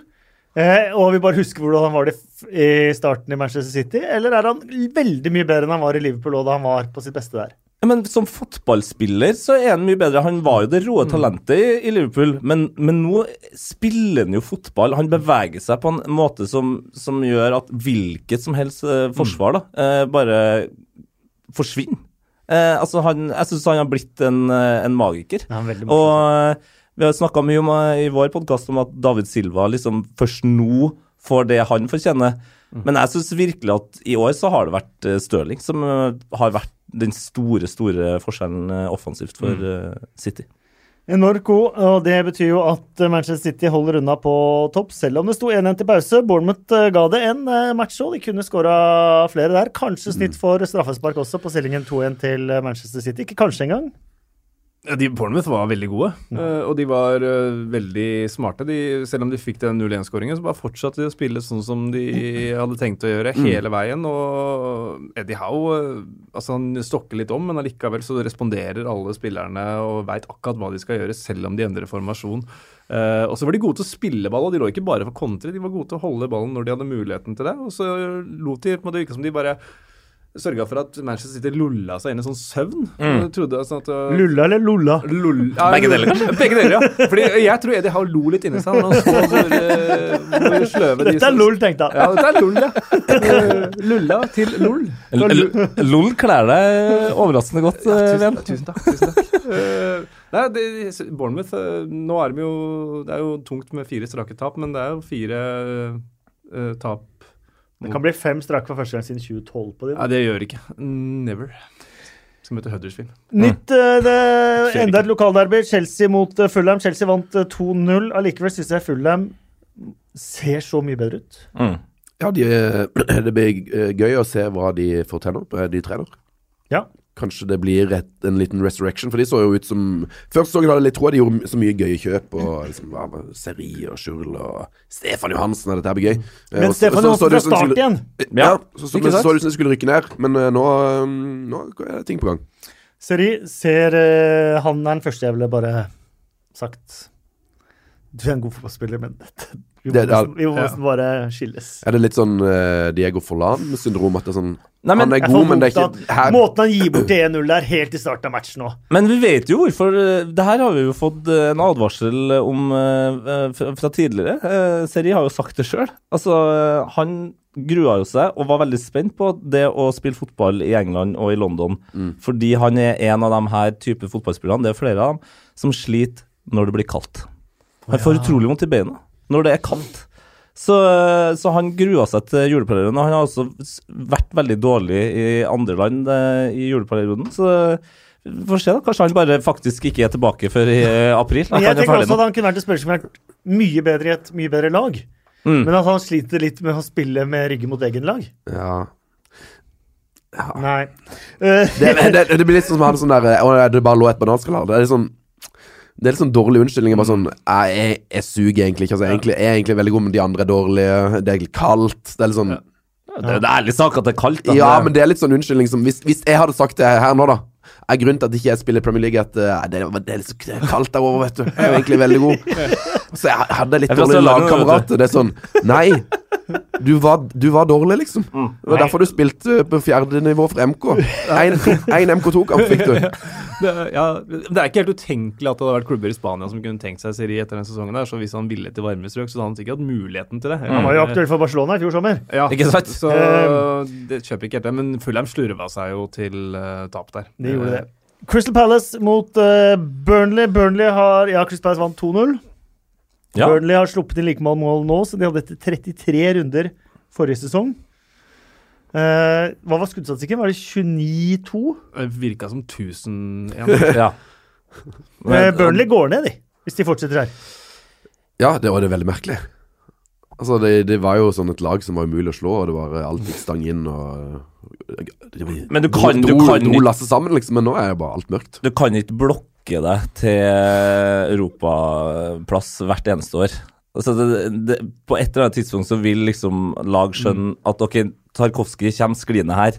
Da stopper jeg og venter og ser og sier ha det bra, og så skyter jeg. Altså, for det var det de gjorde i fjor. Det var så mye blokkeringer. Og det var egentlig virka som det var den tydeligste planen eh, Sean og gjengen hadde.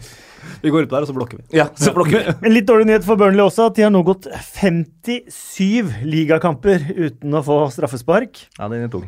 Skåring til Andrew Townsend, det var jo en perle, selvfølgelig, men han prøver på det samme en million ganger hver kamp. Så til slutt så må den jo sitte. Jeg husker jeg kommenterte landslagsdebuten hans. Da gjorde han også det der. Da traff han i tverrlegger. Men han skjærer inn, skyter hver gang. Ja, han hadde jo Hvor mange Det er en sånn syk statistikk i Tottenham. Han hadde ikke sånn 27 skudd uten å treffe mål en Jo sånn rad. Ja, nei, altså Men hver eh, gang er det samme hver gang. Vi Tottenham-supportere snakker ikke om Nei. Altså, jeg nevner ikke navnet. Men jeg husker jo øh, Men det så sånn ut nå. At uh, da han kom inn, så var det liksom Burnley Det skal han få lov til. Ja. Det er ikke noe stress. Det der det treffer han ikke på, men det gjorde han denne gangen. Uh, Newcastle hadde tre seire på rad, og så taper de 0-3 hjemme mot Westham. Chicharito på gang. Ja, hva skjedde der? Chicharito var plutselig på Nei, det Nei, Jeg skjønte ingenting. Jeg fikk jo ikke sett eh, første eh, omgangen av målshowet der, og da når det plinga opp Chicharito første gangen, så var det sånn Ja, da var han tilbake! Altså, hvorfor? En fantastisk pasning av Snodgrass Ja. for øvrig. Som gjorde det enda rarere. Snodgrass til Chicharito Det er på veldig Westham. 2013-aktig hendelse. Og nå, og nå er, de fortsatt, er de fortsatt hypp på Nasri òg. Altså, Ja, det, er vel ikke avskrevet, i hvert fall. den klubben er altså så merkelig. Ja, nei, det der Huddersfield, Brighton 1-2. Huddersfield med sesongens raskeste uh, scoring. Så fikk Steve Monier rødt kort på noe jeg mener. Jeg må bare si det. Det er aldri rødt kort. Nei. Det kan aldri være rødt kort. Det må aldri bli rødt kort. Likevel så fikk de ikke medhold i klagen sin. Monier ut i tre kamper. Den har jeg ikke sett. Nei, men hvorfor skal han løfte beinet så høyt? Han trekker jo men han, Ja, men han løfter beinet, så, men så trekker han seg jo i tillegg. Det Ja, er men- knapt han treffer Ja, men hvorfor skal han Ja, opp med beinet kan- på skinnleggen? Det, er jo, det er jo det samme som at eh, du skal, En eller annen gang jeg var ti eller noe, så fant jeg en glassflaske, og så var jeg bare Jeg er sikker på at det ikke var et bananskall. Nei, det var en glassflaske. Så vaska jeg, inni meg Jeg må knuse den. Så jeg veit jo det er feil. Så tar jeg opp og knuser den, og så kommer det en gammel mann forbi og kjefter meg huden full. Helt berettiga. Jeg går gråtende hjem og sier at jeg mista den i bakken. Det var bare ljug. Eh, Pælma den i bakken. Jeg- Nå, nå deles det. Ja, men jeg trenger det ikke hva får du Jeg ut? hadde ikke trengt å gjøre det. Jeg måtte få det ut. Nei, men Jeg hadde ikke Monier Siden heller. ikke Men endret seg, for det er du, men du skriftemål, men- ser jo på Monier at bare Oi, shit, nå er havner jeg i trøbbel her. Jeg trekker til meg beinet. Og så er han Han er så vidt borti Jo, men hvorfor skal han Ja, men Det er ikke rødt kort. Hvorfor skal han foten på skinnlegget? Han setter seg sjøl i en utrolig dårlig posisjon. Det Jeg tror det er eneste grunn til at han, de ikke fikk med det klagen, er at det er eh, dommernes golden boy, Michael Oliver, som ga det røde kortet. De kan ikke la han Nei, ikke la han i, legg han i stikken, holder jeg på å si her nå. Men Det er noen nei. her som mener at det er et kort. Jeg har ikke sett det, dessverre. Jeg syns det kan forsvares. Nei. Fordi han har ikke noe, han har ikke noe Det er ikke noe grunn til å ha beinet oppe på Jeg jeg har aldri knust en uh, flaske som tiåring, så jeg er helt uenig. Jeg skal ikke påberope meg en fasit, jeg syns bare det var veldig rart. Leicester de slo Watford eh, 2-0. Watford-fansen hadde et banner i bortesvingen sin hvor det sto eh, 'Takk, eh, Kun Vishai, for at du lot oss alle få drømme'. Det syns eh, sønnen til Kun Vishai, som eh, omkom i denne helikopterulykken, var så flott. At han spanderte øl og mat på eh, Gjorde bare kiosken gratis i borteseksjonen i pausen. Sånn taxfree-konga skal gjøre det, Ja. rett og slett. Ja, det er, ja, men altså Leicester eh, har jo for lenge siden gått i alle fotballinteressertes hjerter og, og skulle bli der. Men måten de har reagert på den, hele, på den situasjonen her, er altså ja, fabelaktig. Fabelaktig. Eh, veldig, veldig fin gest. Både av Watford-fansen, får vi si, Absolutt. men også av Lester, da, som bare Fribar! Ja, det er fantastisk. Det er jo sånn eh, vanskelig Hvem er, hvem er det som er snillest der? Det er jo eh, to fantastiske mm. handlinger. Bra. Cardiff de har nå vunnet eh, tre av sine fire Yes. siste hjemmekamper. Snudde mot Wolverhampton, vant 2-1. Wolverhampton med ett poeng på siste seks. Beste laget som noen gang har rykka opp fra championship. Var det litt overilt? Ja, det var jo det. Jeg tror de har for mange spillere som ikke er gode når det er kaldt. Ja, men det virker det jo. De kommer til å bli veldig gode sånn. igjen til våren når det blir litt varmere. Men bortsett fra den ene matchen var det mot Huddersfield, så har de jo stort sett spilt bra. Ja, men de spiller jo bra, men de har jo ingen som scorer mål. Altså Når det er backene som er mest målfarlige, så har man jo et problem som Premier League-lag. Eh, og, og så starta han jo ganske bra, spilt fint, kjørt samme elveren. Og så har eh, Nuno nå mått, blitt litt desperat og gj- gjort litt sånn rare valg, virker det som. Så eh, det blir spennende å se om de, eh, om de klarer seg gjennom juleprogrammet, rett og slett. De trenger noen gode opplevelser eh, nå. Championship, det er vel ikke så mye å snakke om eh, der, annet enn at nå har jeg bare hørt på eh, et par podkaster. Jeg har snakka med kompiser som holder med Leeds og andre lag. Jeg holder selv med championship-lag. Gjør du det? Ja. Ja. Eh, og det begynner å bre seg en følelse. Jeg kjenner på det selv. Eh, mitt lag har nå vunnet 12, to uavgjort og ett tap på siste 15. Topper tabellen, spiller til tider fantastisk fotball. Har tre akademispillere på, fra 18 til 20 år som starter hver kamp. To av dem scora nå i helga. Man vet at hvis det blir opprykk, eh, så blir det forsvare seg, kanskje håpe på 0-0, kanskje håpe på en eh, heldig 1-0. Tape mot de beste lagene. Hadde det vært mulig å vinne championship uten å rykke opp? Hadde det vært egentlig morsommere for de aller fleste? Ja, altså, det er jo mye morsommere å spille tenker. masse morsom fotball, vinne masse kamper, være en uh, somebody, da. Istedenfor å være sånn der bare stallfyll i, i Premier League, liksom. jeg tenker jo kanskje også at løsninga at championship kan bli mindre. At det er mindre lag der.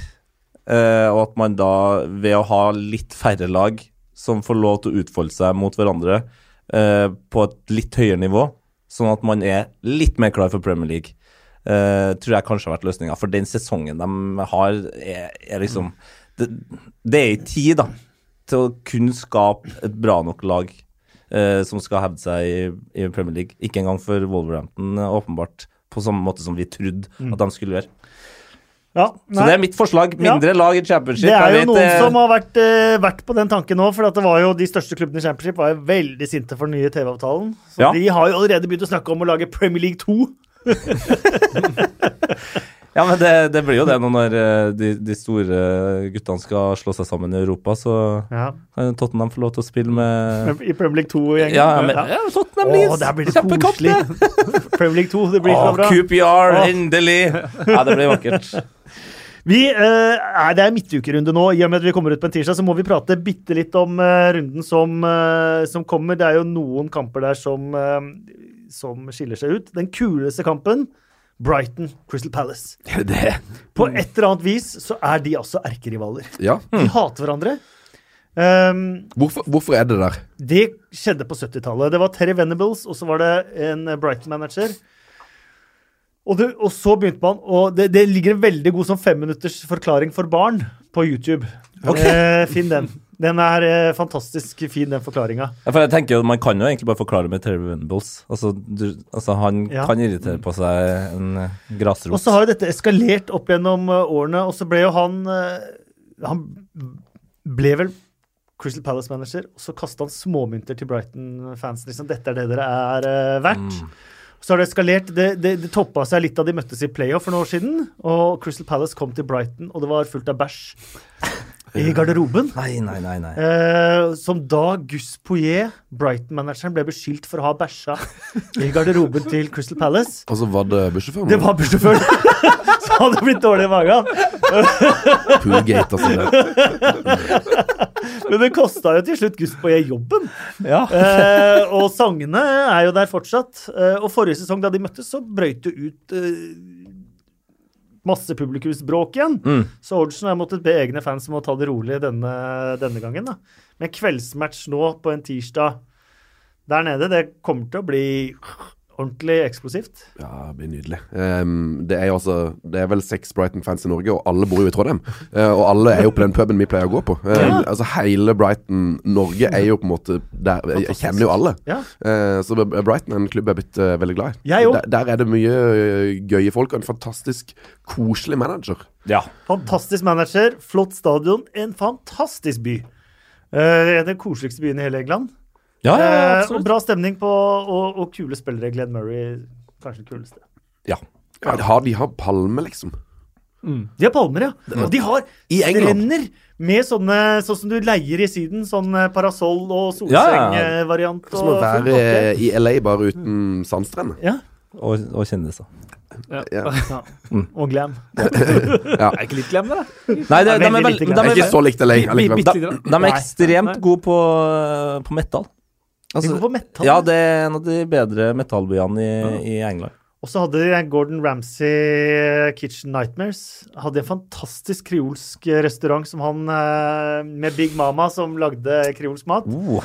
Så Første gang jeg skulle til Brighton, så skulle jeg finne den, for det syns jeg så så fantastisk godt ut. Men da var den gått konkurs. Nei! Som alle de restaurantene til Gordon Ramsay, har jeg på følelsen av. Rart, det. Så rart. Ja, Altså, Du skal ikke kjefte og æreskjelle folk eh, på daglig basis. Hvorfor er ikke det et bra konsept? Vi var inne på Bournemouth. De må jo da vinne for ikke å ha fem på rad for første gang siden fem tap på rad for første gang siden 2012. De møtte Huddersfield, et Huddersfield som er i, på bedringens uh, vei. Mm. Det er jo klassisk Bournemouth å vinne den her. De starta ikke med fire tap forrige sesong også. De, de er sånn lag som kan gå fire-fem kamper uten seier, uten at noen blir bekymra i det hele tatt. Og så er det to-tre seire på rad igjen, og så er alt greit.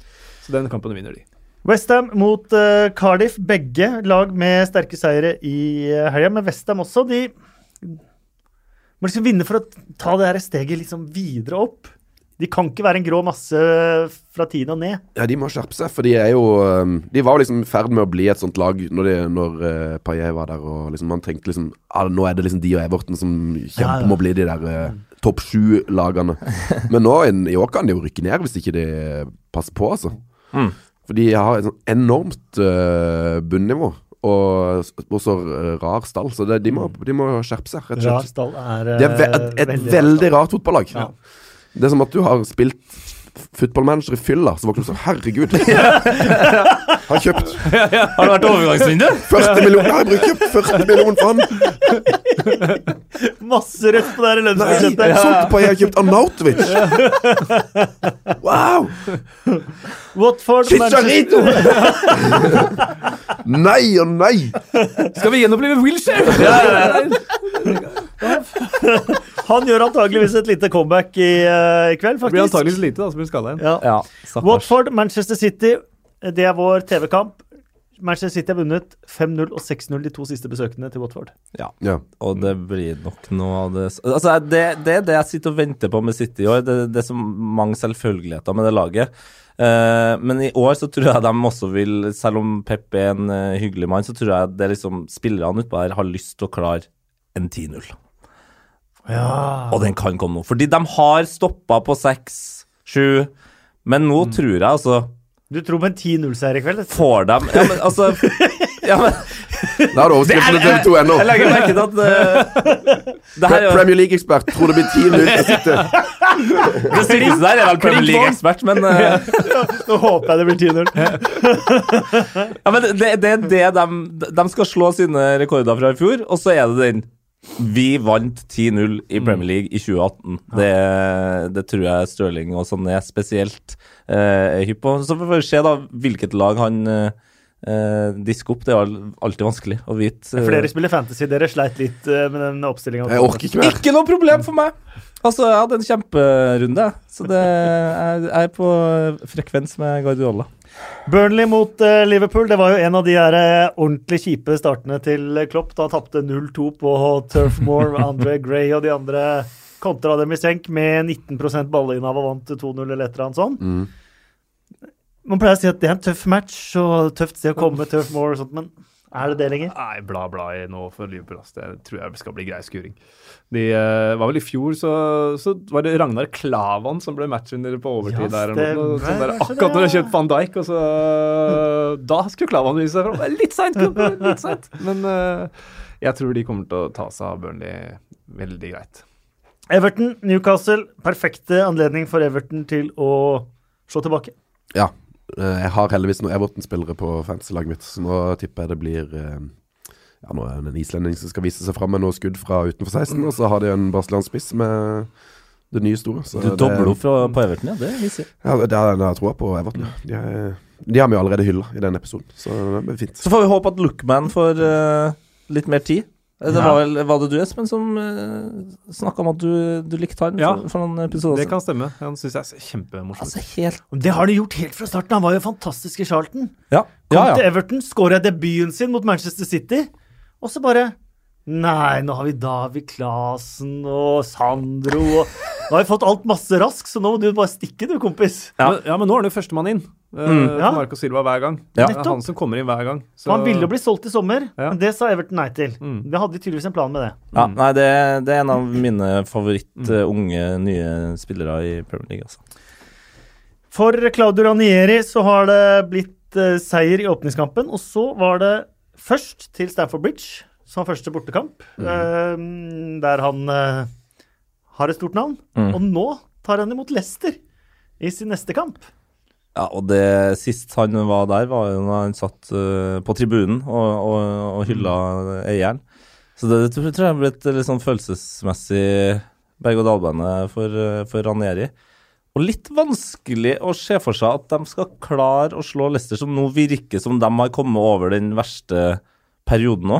Så det, det tror jeg kan bli en av rundens eh, artigste kamper. Absolutt. Det tror jeg blir eh, kjempemorsomt. James Madison var tilbake igjen etter å ha sonet sin eh, karantene med en drømmeskåring mot eh, Watford sist. For et mål! For et mål. Altså, det, det, det, det, er sånn, det burde vært det, det burde, Jeg har ikke vært snakka nok om det målet. Det Vi var har sånn, ikke snakka noe om det. Er sånn- men det er bare Ja, det burde vært overskrifter. Ja, men det eneste, ja, det eneste jeg lurer på, er den andre touchen Er det også Madison, eller går den, er det spretter den innom en Watford-spiller? For Tror det, jeg Madison. ja, det tror jeg òg, men jeg klarer ikke å se det på bildene. Og hvis det andre touchen er Madison, så er det Sin... Så det er ærlig mot eh, Crystal Palace-nivå, for Ja. eh, dem som husker. uh, ja, den, ja. Ja. Ja, den for den òg er en sånn heppe-variant som går inn i volley. Ja. Ja, veldig bra mål. Og, Og gøy at det virker som han, eh, DeMari Gray, som liksom har man har hatt så troa på, men så har det liksom aldri helt løsna. Men nå, nå virker det som at han òg Kasper har aldri hatt trua på Demari Gray. Men de to er vel Jeg, jeg, jeg har kjempetro. De to ble bestevenner med en gang. Ja. Hvis du ser på sosiale medier. James Madison hadde vært i Leicester en time, han, så var det liksom bare bilde av han og DeMario Gray sammen. På byen og på trening og på overalt. Akkurat som det skal være. Ja, gutt er gutt. Eh, Wolves mot uh, Chelsea, kanskje ikke Eller kanskje den perfekte måten for Wolverhampton å slå tilbake på. Jeg tror kanskje Mm. den kan være skummel for Chelsea og Sarri. Ja, hvorfor ikke? Men det er nok en gang så er problemet hvordan skal de skåre mål. Er- Jeg, jeg ser ingen måte altså da, da må de bare satse på Traoré, da. Altså håpe at han For han treffer jo én av 100 ganger, og at det er en av dem mot Chelsea. Eh, Så har vi uh, The Pochettino Derby. Mm. Tottenham mot Southampton. Ja, altså skal jeg si noe, eller? Det er jo dine, er jo dine gutter. Guttene dine. Så er det. Kelvin Davis som da er manager for Southampton. ja. Caretaker. Jeg eh, mener Gamle storkeeperen. Ja, jeg mener husk at det var Drillo sitt første kjøp i Wimbledon. Du, det tror jeg stemmer. Det På en såkalt prikk. Ja, det stemmer på såkalt prikk. Eh, Jeg har diskutert eller jeg informerte Lars Kjernås om det, Mm. og han var uenig i det. Å ja. Ja, Men jeg vet at jeg har rett. Ja, men det, det er mange som lurer på uh, sånn, Timinga var litt rar når, eh, når Marcus da endelig klarte eh, 2-2 eh, mot et storlag, og det er midtukekamp. Og, men eh, her er det bare et Southampton-styre som eh, vet hvordan en new manager bounce eh, funker, og skal ta et stikk til Pochettino, og, og får den, da. Det, det, føles, det føles litt sånn. Men det, det her er en litt uh, bitter uh, Tottenham-fan som akkurat har gått uh, tapende ut av et Nord-London-derby. Så Spurs skal ta den her, altså. For all del. Men jeg er litt redd for den new manager. Ja, nå, ja, men den, den tror jeg må legge fra deg. Altså, Tottenham har vært gode i år. De kommer ikke til å tape to kamper på rad. Eh, Så det er mye Nei, det skal Tottenham være store favoritter, altså. Ja, ok. Det er godt å høre. Tre seire på 22 kamper. Men to av dem borte, da, skal Ja. sies for Southampton. For de har bare én hjemmeseier på over et år. Southampton. Ja, Tottenham har ikke den eneste hjemmeseier på hvor mange år nå? Altså, vi spiller jo alltid bortekamper. Eh, Ja, men det føltes sånn. Jeg var jo på Tottenham-Chelsea. Ja. Det var glissent ja. Ganske mange steder på et så stor, stor, stor match. Mot, Det City, mot City var det 55 000 der. Altså det, Det føles som Tottenham-fansen er litt ferdig med Wembley, rett og slett. Ja, og det er en ærlig sak. Det er jo det nå.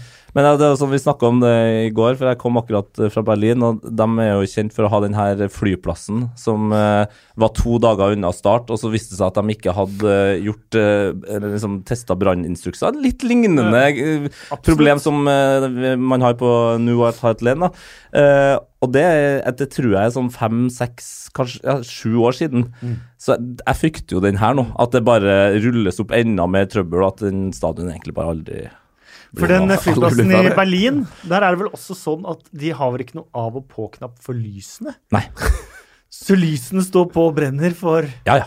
Det, det, tusenvis av kroner hver dag? Ja, ja, nei, nei, det, det, det er trist. Og jeg, jeg, jeg føler bare på det at det der Det var for godt til å være sant at den skulle åpne til, til seriestart, og så har de bare istedenfor å bare si 'vi vet ikke', så har de liksom 'ja, før jul'.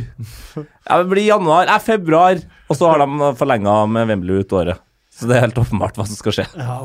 Plutselig finner de en bekk under der også, sånn som Jordal. Nei, vi må bare rive opp, vi må bekken- bare Ja, hele den dritten. Jordal-bekken. Den da- eh, bekken på Jordal den burde ikke være noe hemmelighet for noen. Altså. Eller en kulvert, som det heter. Det, det skjønte alle. Det var enten at den bekken var mye høyere enn man trodde, eller en vikinglandsby. Et eller annet måtte være under eh, Jordal som gjorde at den aldri kommer til å bli klar, den heller. Det som er klart, er vel at uh, dette blir den store lakmustesten til Unai Emery når han skal til Old Trafford mot Manchester United. Ja, der vinner ikke Arsenal ofte. Nei. Det er veldig sjelden. Men, men United-supporteren eh, himler med ja. Ja, men eh, Nei, altså Det er en veldig god tid å treffe Manchester United. Men jeg syns at United har vært eh, Det er jo på en måte de kampene her som de pleier å gjøre det bra i, da. Eh, Ak- jeg er mye mer redd for når United skal liksom, når, du har, når de har Cardiff hjemme og sånn, da taper de 1-0. Men eh, når de møter de møter Arsenal, de kommer sikkert til å få 1-1, eller eh, kanskje de, De vinner 3-1. kanskje de vinner 3-1, 3-2-1. Kanskje det er viruset, da, som ja. får uh, Plutselig så sp- spiller er Alexis kaptein og skårer to mål. Altså. Men ender dette 0-2? Er Morini ferdig da, Sven? Eller har han i hvert fall fram til over nyttår? Eh, jeg tror han har eh, lenge igjen, ja. Han har lenge igjen, ja. Ja, jeg tror det. Det virker, det virker som de ikke de har tenkt å sparke han. Nei. Så han sitter, jeg tipper han sitter til sommeren. Eh, Altså, Med mindre de ligger på nedrykk til jul, da. Men De eh, skal ligge topp fire til jul, sant? ja, Det har han sagt, ja. Ja. Det kommer de jo antakeligvis ikke til å klare. Men, eh, ikke. men jeg tror ikke han får sparken i, i, før til sommeren. Nei. Jeg skal på den matchen, faktisk. Oh, Så deilig. Heldig meg. ja, det er veldig På jobb eller på, På jobb, ja. pleasure? Nei, ja, jobb og Ja, det blir en slags blanding. Work is pleasure, man. Eh, Det er så bra at vi, vi kan sitte her, vi, vi fire, og, og, og snakke om eh, business and pleasure. Altså, vi, vi har jo etablert det her for lenge siden i fotball, men vi har jo en jobb i. Altså, ja, jobb i, ja. så vi, det sitter folk og hører på her som har faktiske, ordentlige jobber der de tar vanskelige avgjørelser eh, og forholder seg til mennesker som kanskje har det vondt. Altså, Ja, kanskje Arsenal-legen hører på. Det er jo en, et fantastisk menneske. Altså, en, en mann vi har blitt kjent på fotballpuben, som er altså lege og Arsenal-fan. Ja. Og det er liksom da eh, Han er så fin fyr. Han blir bare kalt Arsenal-legen, så hei, Arsenal-legen hvis du hører på. Legende. Men eh, kan jeg spørre noe om eh, For du er jo masse i England. Eh, altså, hvor, er det, hvor kan du anbefale to steder å spise i Manchester? Eh, to restauranter. Hvor er I det, Manchester hvor er det man pleier å gå? eh, jeg, jeg har det jo sånn eh, når jeg er på jobb, Mm. eh, at jeg for, fort er på jobb dagen etter. Så det betyr at på kvelden så sitter jeg enten på et tog, eller så sitter jeg og forbereder meg til dagen etter.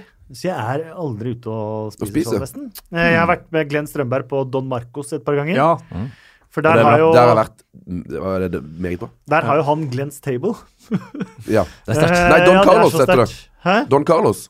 Don, Don Carlo? Nei, Nei, San Don- Carlo. Jeg Don tror er Don Marco. Jeg har faktisk kortet i Ok. lommeboka. Det tror jeg er San Carlo, der har jeg vært. Ai, Don Ja. Marco har jeg Da ikke må, da må du dra dit. Da må du dra dit, ja. Villsvinragu.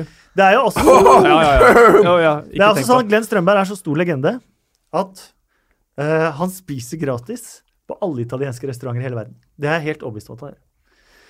Til og med i Leicester var vi, og det var en italiensk restaurant. Og, jeg, og da skulle vi bare, da skulle vi bare innom og, og, og hente Glenn før vi skulle inn på toget. Og da bare Nei, sett dere ned, sett dere ned! Hva skal dere ha?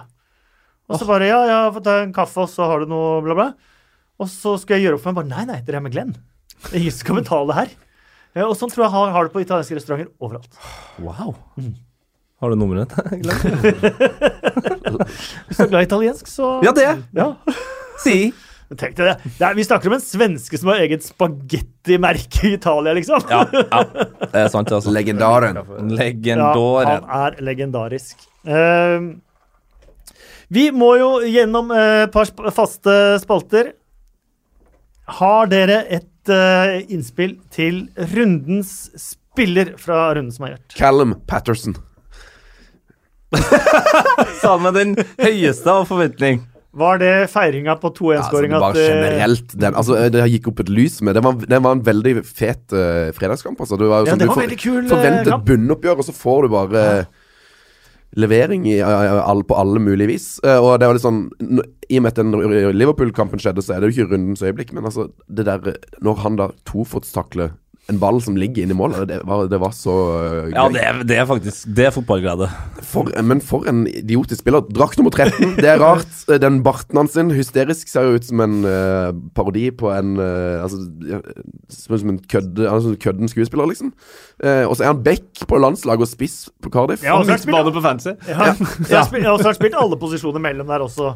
Og så har, så har sta, feilstava navnet sitt, og det, det, nei, det er bare det, Og det er sånn, i, i den grad eh, Klopp fortjente å få en, eh, en bot for å springe ut og klemme Ellison, så burde han fått, eh, altså Pettersen fått eh, bonus for å tofotstakle den ballen som lå inni mål. Men er kanskje. Callum Patterson da mer en ukjent helt enn selve Ja, det- rundens spiller? Ja. Ja, for, for meg, og det her sitter litt langt inn, så er det Lucas Torreira. Ja. Eh, for det virker som han er den nøkkelen som Arsenal har lett etter siden eh, ja, Vera eller mm -hmm. noen andre. Altså, altså han det, det er- så mye plass til alle andre på laget, da. Mm. Altså, å, fantastisk fotballspiller. Jeg kjenner jeg er skikkelig misunnelig. Mye best bare enn det jeg hadde. Ja, er det det? Ja, det er jo det. Men din Det er mye er, mer fot din, din, fotballfaglig sterkt. din er veldig god på eh, rundens Ja, vi, vi tar, helt. når vi kommer til ukjent, skal jeg si Callum Patterson, Ja. som går videre. Er vi enige Lukas Lucas Torreira som rundens spiller? Ja, det er vi. Ja, det er vi enige. Ja. Uh, rundens øyeblikk det er vel eh, en av få ganger hvor det er no contest, og det er uh, Pickford Origi. Mm. Ja. Ja. Det, ja, ja. Ja. Utvilsomt. Så har vi en kategori her. eh, har dere noe forslag på rundens ukjente helt? Callum Patterson. Ja! Herlig! Nummer, faen, det nummer bra. 13 ser altså ut som Men er han da førstemann som får rundens ukjent helt to ganger? For jeg hadde han som ukjent helt uh, for noen par uker siden. Og Hadde da, du det? da, da fikk du da bare Ja, det er greit. Det var med Petter. Å ja. ja. Mm. Da får han den to ganger. Ja, men hvis ikke vi Callum Chambers skal få den, da. Åh. Nei. Nei! Nei. Du, jeg, jeg, har et, et, Overlegen som midtbanespiller! Nei! jeg har et veldig godt forslag. Nei, det er det! Midtstopperen som dribler inne i uh, motstanderens felt og hælflikker og bare ser ut som en 1000 milliarder dollars, liksom. Plutselig som midtbanespiller. Nei. nei. Jeg er med Espen her. Milliarder dollar! ja, han gjør det. Ja, men jeg, jeg har, altså, det er jo egentlig det jeg faktisk, Her er jo no contest, da. For altså, denne uka her har vi faktisk blitt servert en fotballspiller uh, som da plutselig dominerer Premier League. Han avgjør med viktige mål på overtid. Ingen som har hørt meg før. Viser at han er landslagsspiller. Divo Korigi. Ja. Mm. Ingen, ingen, ingen, som har sett han, ingen som har sett han spille på ti år, og så dominerer han tilbake og dominerer Premier League. Det er helt ukjent. ja, det er sant. Det fins folk som ikke trodde han var i live. Mm. Så der, der har du Har du ikke delt. Vi kan jo ta med mannen som hentet eh, Divo Korigi, Brennan Rogers. Vant sitt syvende trofé i helga. Vant eh, cupfinalen mot, uh, mot Aberdeen. Ja. Som, som Han har tatt helt. samtlige Siden han tok over Celtic, har han tatt samtlige domestic trophies. Ja, det er cruising. det er cruising. Rundens kaktus.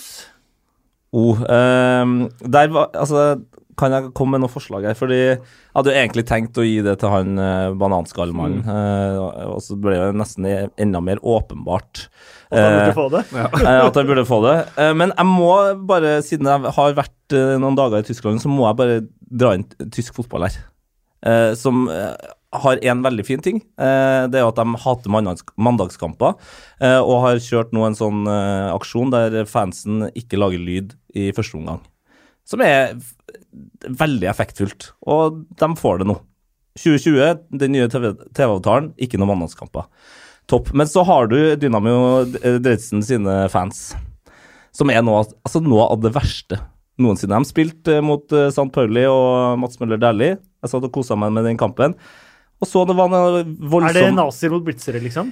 Ja, det er jo det. Eh, men det er nok mer enn eh, nazisme som eh, er problemet her. Eh, jeg så noen bannere og ba min venn Asbjørn om å oversette dem. Og på den ene så står det altså You'll be hungry tonight as your cunts are with you in the stand. Eh, Dynamo-fansen er forbanna på at St. Pauli-fansen har kvinnelige eh, fans. Og mener altså da at det er elendig for fotball. At eh, damene står der for de skal være på kjøkkenet, eh, og ikke på stadion. Det er 2018, eh, folkens. Og det, altså Han Tottenham-fyren var én fyr som da åpenbart plukka opp feil gjenstand fra, fra tribunen. Mens her er det jo flere Ja. eh, menn da som har satt seg ned og, og ordna eh, banners. Så Jeg har vært i Dresden bare én gang. Det var tidlig 90-tall. Mm. Da skulle vi ta toget ned til Tsjekkia. Besøke en kompis som var utvekslingsstudent der. Så vi skulle bytte tog i Dresden. Så mens vi sto der, vi hadde bare en time i dressen. Og her ligger det et byttetog i dressen. her, Så, ja, så, utrolig så hører vi bare fra langt unna Deutschland für Deutsche, Ausländer aus. Og så kommer det veltende opp eh, politi med skjold og schæfere og alt. Eh, Bare pga. at Vikestad var i for for og så kom det veltende opp en 600-700 eh, skinheads eh, som sang dette, dette her. Ja. Uh, og så så vi de passere. Vi gjemte oss litt i et uh, hjørne der. Og så satte vi oss på toget nedover til eh, Praha. Uh, det er mitt eneste, min eneste opplevelse av Dresden. Ja, Det er åpenbart ganske tydelig og riktig bilde da, av hva som foregår der. Så det er i hvert fall mitt kaktusforslag, selv om det da ikke er Premier League, så er det bare det et eller annet med at Ja. den type holdninger fortsatt rir fotballen. Det Fryktelig. Ja. Og da når man endelig da får lov til, lov til å, å, å dele ut gullballen til kvinner, og Martin Solveig dessverre blir frista til å spørre om eh, Ada skal twerke. nok, det òg. Ikke sant? Det, det har vært en dårlig uke eh, for eh, fotballfans. Er det noen andre som har noe eh, Premier League-relaterte kaktuser? Nei, det var mest han derre grekeren. The Greek! The Greek. The banana guy. The Greek som eh, fant det bananskallet. There's no money in the banana There's no money in the banana guy. fester ikke lit til den forklaringen. Uh, For en Twitter. Twitter-brukeren Nolook Firmino hadde et forslag, og det var kaktus til meg. Hæ? Som kaster snøball på gamle menn? Spørsmålstegn. Ha, har du gjort det? Nei, det var da dommeren eh, det falt i Cardiff Wolverhampton, så sammenlignet jeg med at det er noe man alltid ler med. Akkurat som når man kaster snøball eh, på hatten til en gammel eh, mann så den flyr. Det er morsomt. Ja, det er, noe, det er sånt som bare vekker et eller annet inni deg som man alltid ler av. Ja, ja. Når dommeren faller, uansett, så må man alltid le. Ja, jeg er helt, jeg er helt enig. Så kaktus til Men Nolan Firmino, selv om han er altså- veldig bra Jeg kaster altså ikke snøball på gamle menn, altså. Det var et billedlig språk. Det er altfor få gamle menn med hatt nå. Det er det. Det må være, vi må ha mer Ja, for det er kanskje for mange unge menn med hatt. Ja, så vi kan kaste snøball på de. Det tenker jeg er greit. Du Skal ikke noen blomst? eller? Blomst, da! Har vi ikke gitt blomst? Nei, har ikke gitt Nei. blomst. Burde ikke blomstene gå til Lester og Watford? da? Ferdig med det. Å, det Ja, var fint. den er fin. ja. Blomstene går jo til eh, Watford-fansen. og Ok, resten- så som- sorry, Lucas Torreira. Nei, nei, han er rundens Vi har vel flere blomster? Vi hadde en julestjerne på vei til deg, men den, eh, den går nå til Leicester og Watford i stedet. Ja, ja, ja. Han er det beste kjøpet, da. Free beer, liksom. Ja, free beer. Det kommer vi til. Bill Edgar. Arsenals syv siste. Aldri skjedd. Første gang siden er den sjette spilleren. Fun factsene til Bill Edgar. Hei, Bill Edgar. Hei, Bill Edgar. Eh, for de som hører på podkast første gang, så er Bill Edgar altså eh, statistikknerden til eh, The Times, som nerder i, i bilaget The Game hver mandag. Kan man finne det på nett, eller må man kjøpe det i papirformat? Jeg har bare sett det på papirformat. Deilig. Abonne kanskje- abonnerer du, eller? Ja. Kanskje Times Pluss. Mhm. At man, de har en sånn Mm. variant på Mm. nett. Uansett så er jo dette her eh, veldig sånn Jeg tenker at det er god info å ha på puben, jeg, da. Ja. Når du skal sitte og, og, og prate litt fotball før eller etter en runde kamp, at du har eh, noen sånne varianter som ja kan få folk du, til å altså, det kan jo heve øyenbrynene. Ja. Ja. Vi eh, kjører eh, Bill Edgars mandagsspalte. Arsenal har nå gått 14 kamper på rad uten å lede til pause. Og det har jo skjedd før. Mars Hå? til august i 1928. Det husker jeg godt. Ja, Ja. Det var utrolig kaldt, eh, det er kaldt år. det var det. Siri var ikke noe god på den tida. Nei. Det var Marius Skjelbæk som kommenterte. Jeg husker godt. Manchester City er det første laget i engelsk histories øverste divisjon til å vinne 43 av de siste 50 kampene. Det er imponerende. Det er det. Med tanke på at de har spilt fotball i 3000 år der. 1888, ja. Ja. Så Chelsea hadde jo da eh, 42 av 50 i 2006, og Sunderland hadde 41 av 50 i 1891. Det var kanskje det mest mindblowinge at Sunderland kom inn med så mange serier. Nå funket hjernen min. Ja, det var varmer. varmer. Det varmer innmari. Ja. ja. Uh, nå kommer det fin en. Om Manchester City bare telte med mål med spillere som har etternavn som starter på S, hadde de likevel ligget på femteplass på tabellen. Stirling Silva Silva, Stones Ja. Er det noen jeg har glemt, da? Sané, selvfølgelig. Mm. Ja, det er It's a Breeze. Hadde, de behold, a hadde ikke de breeze. Jane Sancho i gamle dager? Det hadde de. Ja.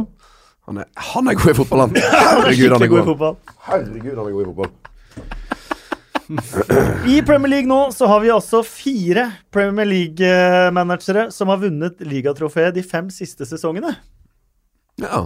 Sånn har det ikke vært siden 1994-95. Mm, kan kult. dere ta de fire managerne i 94-95 som hadde vunnet ligaen de siste fem årene? Der svarer jeg med en gang nei. Uh, George Graham, Det er korrekt. Uh, Daglish, Det er korrekt. Uh, Ferguson. Det er korrekt. Hvem var Leeds, da? Uh, Howard Kendall. Nei, det nei, var nei, nei, unnskyld. Nei, han der, hva het han? Dette Howard. Ja, ja, Howard Wilkinson. Howard Det er helt korrekt. Ja. Dette er bra imponerende. jobba, gutta. Bra jobba, gutta. Ja, ja, ja. Veldig glad for at Hvem er de fire nå, da? Som har vunnet ligaen tidligere. Ikke, er de fire nåværende Premier League-managerne som har vunnet ligaen de siste fem årene? Mourinho, Ranieri, Pep og Pellegrino. Ja Pellegrino, Pellegrini. Hæ? Pellegrini. Pellegrini. Pellegrini. Ja. Pellegrino, fikk- Pellegrino fikk sparken i starten. Det burde han kanskje ikke fått. Nei. Nei, burde de, kanskje altså, Det er for mange som heter Det er for mange like navn der. Noen av dem må bare gi seg. Ja, ja. Manchester United. Det er, greit- å sparke han før Pellegrini kom tilbake. Så ikke Ja, Pellegrini, ja. Pellegrini, det det som uh, skjer i denne spalten her nå hver gang, er at det alltid er noen sånne positive greier om Manchester City, og så er det alltid noe negativt om Manchester United. Og sånn uh, må det bare bli. Men facts er facts. De slipper man ikke unna. Manchester United hadde ikke ligget under med to mål mot et lag på de tre nederste plassene på tabellen siden kampen mot Manchester City i 1989. Nå har det skjedd to ganger på to måneder. Mm. Mot Newcastle og mot Southampton. De har også sluppet inn det første målet i seks strake bortekamper for første gang siden 1994. Ja, men har, har du sett det forsvaret de har, eller? Pilene peker, jo, peker ikke oppover. De gjør ikke det. Jeg syns det er sånn nye negative rekorder hver gang Ja. nesten med, med. Mourinho's Manchester United. Ja, det er jo helt utrolig etter at uh, på en måte David Moyes satt elleve rekorder på to kamper eller sånt, eh, en periode der. Det skulle jo ikke være mulig å slå de rekordene, men Nei. eh, det er nye bunnnoteringer. Det er trist. Ja. Jeg, syns du kanskje vurderer vurder å putte inn en ny spalte etter den her, hvor du hver eh, eneste runde gir Lindeløf en klem. Altså at det Ja. bare fordi, fordi For han kom for å vinne ligaen.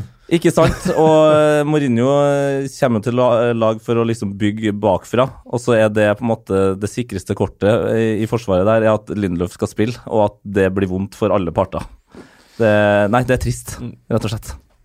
Eh, vi må innom eh, Twitter, og så lovte jeg å lese opp noen av eh, kommentarene som har kommet på iTunes. Mm. Lovte jeg sist. iTunes er bra. Gå inn og gi fem fint. stjerner. Ja. Ja, og gjerne legge en kommentar. Eller må man legge kommentar når man legger stjerner? Nei, nei, ikke nei. Bare, bare slenge på stjerner. Vi, vi bruker jo å få folk til å gi fem stjerner, men eh, gjerne skriv en negativ Ja. kommentar. ja. gjerne, gi oss, gjerne skriv noe dritt, men gi fem stjerner for det. Litt kjedelig podkast, terningkast fem. uh, du, det, det har vi en som har skrevet her. uh, her er en som har skrevet. Uh, Benz 999. Helt middels. Fem stjerner. Og hører jo dessverre antakeligvis ikke på i dag, da, men eh, Thomas Baustad. Hei, Thomas Baustad. Mye prat, berettiget sådan, om at Chris Huton ikke får den anerkjennelsen han fortjener. Jeg ville samme åndedrag løfte Og jeg hadde ikke lest denne her før jeg leste den, altså. Det er noen norske greier her nå. Nei, jeg ville okay. samme åndedrag løfte frem. Eh, kommentator og imponerende faktaformidler Kasper Rikstad. Takk for din entusiasme og dine bidrag. Det Ja, var var hyggelig. Det var det vi sier. iTunes er fantastisk. Uh, Smygen97. Norgedrakta Smygen97. Thorstvedt uh, signerte på meg, for meg på VIP Lounge på Ullevål for ett år tilbake. Brukes flittig. Niffing kan Endre Olav snart innrømme at han er Newcastle-supporter. Ikke bra at en prest skjuler kjærligheten. Det det- Og det var, det var en skarp setning. nå har vi funnet han der konspirasjonsteoretikeren med den der eh, magneten i ballen. Det er han Niffing. 99. Niffing. Hva heter han nå? Niffing. Dansk, dansk IP-adresse. Ja. Niffing. Niffing. På Fab Niffing. ja, for Herning. Ehm, meget fornøyd med det er Thomas Lunde. Meget fornøyd med god påfyll av Premier League i hverdagen. Var hyggelig å høre Morten Langli igjen sammen med dere, Kasper. Setter stor pris på at du får med litt Championship News med Norwich der. For en som bare elsker engelsk fotball i alle divisjoner. Nettopp. Akkurat. Det er mange som irriterer seg over dette her. eh, Elsker for øvrig. Langli-podden, så Langli må komme innom oftere. Ja, Langli var en ordentlig herlig type. Eh, Arsenal-Lasse. Ny podkast gjør at jeg ser frem til en ellers kjedelig reise fram og tilbake fra jobb, der jeg kan kose meg med pod og kaffe. Hilsen Arsenal-Lasse, som sikkert vil ha mer Arsenal. Vi har fått masse Arsenal i dag. Mm. Og mer skal det bli. Og mer skal det bli. Uh, her er Twitter. Venner av Portsmouth. Guttene fra P3 Heia Fotball har en softspot for Pompey. Ja. Så diskuter gjerne både trekningen i FA-cupen og opprykkskampen i League One. Oh. Play up Pompey! Oi, oi, oi. Ja, altså eh, Grunnen til at vi snakker veldig mye om Pompey, er at uh, Torkil Risan, eh, som er jo uh, Altså, han er jo da faktisk uh, fan nummer to i Norge i Venner av Portsmouth. Han kasta seg på et tog der. eh, På- Ikke har sett hvor dårlig at det skulle gå. Ja, men han, nei, han gjorde jo ikke det, heller, for han likte jo Portsmouth når Han begynte jo å følge de via tabellen i eh, avisene. Så han hadde jo Han, han hørte jo sine første Portsmouth-kamper, for de gikk jo aldri på TV. Eh, og så, bare med et uh, lykkeskudd, så bare plutselig var de jo i Premier League og hadde jo en fantastisk reise der. Og har jo hatt Bare si en spiller i fotballhistorien, så har han spillet Portsmouth, liksom. Ja. De har hatt så mye kule spillere, spiller innom der. Eh, men det er pga. Torkel at vi har snakka veldig mye om Portsmouth da, og, og digger den klubben. Og det er jo så mye gøy historie der, men vi følger de jo ikke så tett. Men jeg har fått med meg at de leder serien. ja. Uh, FA Cup-trekninga har jeg ikke sett, men det hadde vært Norwich borte. Oi, Oi, oi, oi! oi, oi, oi. Clash of the Titans. Ja, og de har, jeg, tror de, jeg tror de er ubeseira på bortebane den sesongen, Portsmouth. Mhm. Faktisk. På Ja. 13 kamper, cup og serie. Ja, men det, men, ikke sant, det er et lag Raske som- vinger. Det, ja, raske vinger, men det er et lag som har gitt oss så mye glede, og et lag som gjør at man kan spille CM eh, 02, eh, 03 og bare kose seg. Du trenger ikke å kjøpe noen, eh, faktisk. Bare spill med Pompey. Ja, Men jeg, jeg, jeg, Har dere vært der? Eh, nei, jeg har ikke vært der. Nei, jeg var der på øhm, et par år siden. På Fratton Park. Det kanskje beste besøket jeg har hatt i England nesten åkke som. Med Oi. stadiontur og full pakke. Så reisetips Fantastisk der. Det er et veldig, veldig, veldig godt reisetips. Fly til Gatwick, og så tar du sørkysten. Der er det mye Alle tog fine klubber. Ja, ja. Alle, alle, alle, alle klubbene der har jeg lyst til å se. Helt enig. Plymouth er vel det jeg ikke har sett som jeg har mest lyst til å se der nede. Det er de som er helt lengst vest. ja, det er ganske vest og Ja. inn, ja. Er det Devon det heter? Devon, ja. Devon. Ja, mulig. Er det der klippene? Home Park. Ser ut som en fantastisk fin stadion. Jeg har nesten spilt for Portsmouth, jeg, på en måte. Du har nesten hva for noe, sa Ja? Sa sånn litt ikke for, men med Portsmouth i min utenlandskarriere. I, eh, i eh, sånn der lokalliga oppe i nordøst i England. Så spilte jeg på Burt FC. Og vi hadde gamle Pompey-drakter. Wow. Skikkelig old school Pompey-drakter. Og der var jeg den eneste utlendingen i ligaen. Så, Du gikk på kvota. Ja, jeg gikk på kvota, og da hadde jeg langt hår, tro det eller ei. Ja, det- Nå er det mm, veldig mye ny informasjon å forholde seg til, Espen. Har du noe Altså, nei, for, fortsett. Jo, jeg må bare få få med det, da, fordi det er, og det er også første gang jeg er blitt kalt for a cultured defender. For jeg var så calm on the ball. Uh, og det stemmer jo overhodet ikke. Uh, men det var bare min Burton, mitt forhold til Portsmouth. Da. Ja. Ja. Uh, dere vet også at, Husker dere alpinisten Harald Christian Strand Nilsen? Om jeg husker Ja, Harald ja, ja. Kristiansand Nilsen. Sønnen oh, ja. hans spilte jo i Portsmouth da vi var der. Nei. Jo, Snorre Strand Nilsen. Harald Kristiansand Nilsen er fysioterapeut. Er han det? Det? Ja, jeg vet ikke, men her Snorre er jo ikke der lenger nå. Han Jeg vet ikke helt hvor veien gikk videre. Kult. Harald Kristiansand, det er- et meget bra navn. Og apropos det, det glemte jeg. Dette skulle jeg ta tidligere i podkasten, sånn at alle var med, i tilfelle det falt av noen nå. Eh, men vi skal jo ha en ny sånn Jeg har med gutta har en sånn lower league-tur hvert en gang i året. Mm. Nå blir det FA-cupen første helg i januar. Yes, det, Dette gleder jeg meg til. Den, den turen pleier jeg å følge på Instagram. Ja. Du har en veldig kjekk kompis med langt hår. eh, som- Bård, ja. Bård, ja. Bård, ja. Han er fin, da. Hei, Bård. Super handsome. Super handsome Bård. Super handsome. Ja, han er veldig eh, Ja, det er han. Jeg har aldri tenkt på han som veldig kjekk. Ja, han er altså så kjekk. Du syns det? Ja. Skikkelig.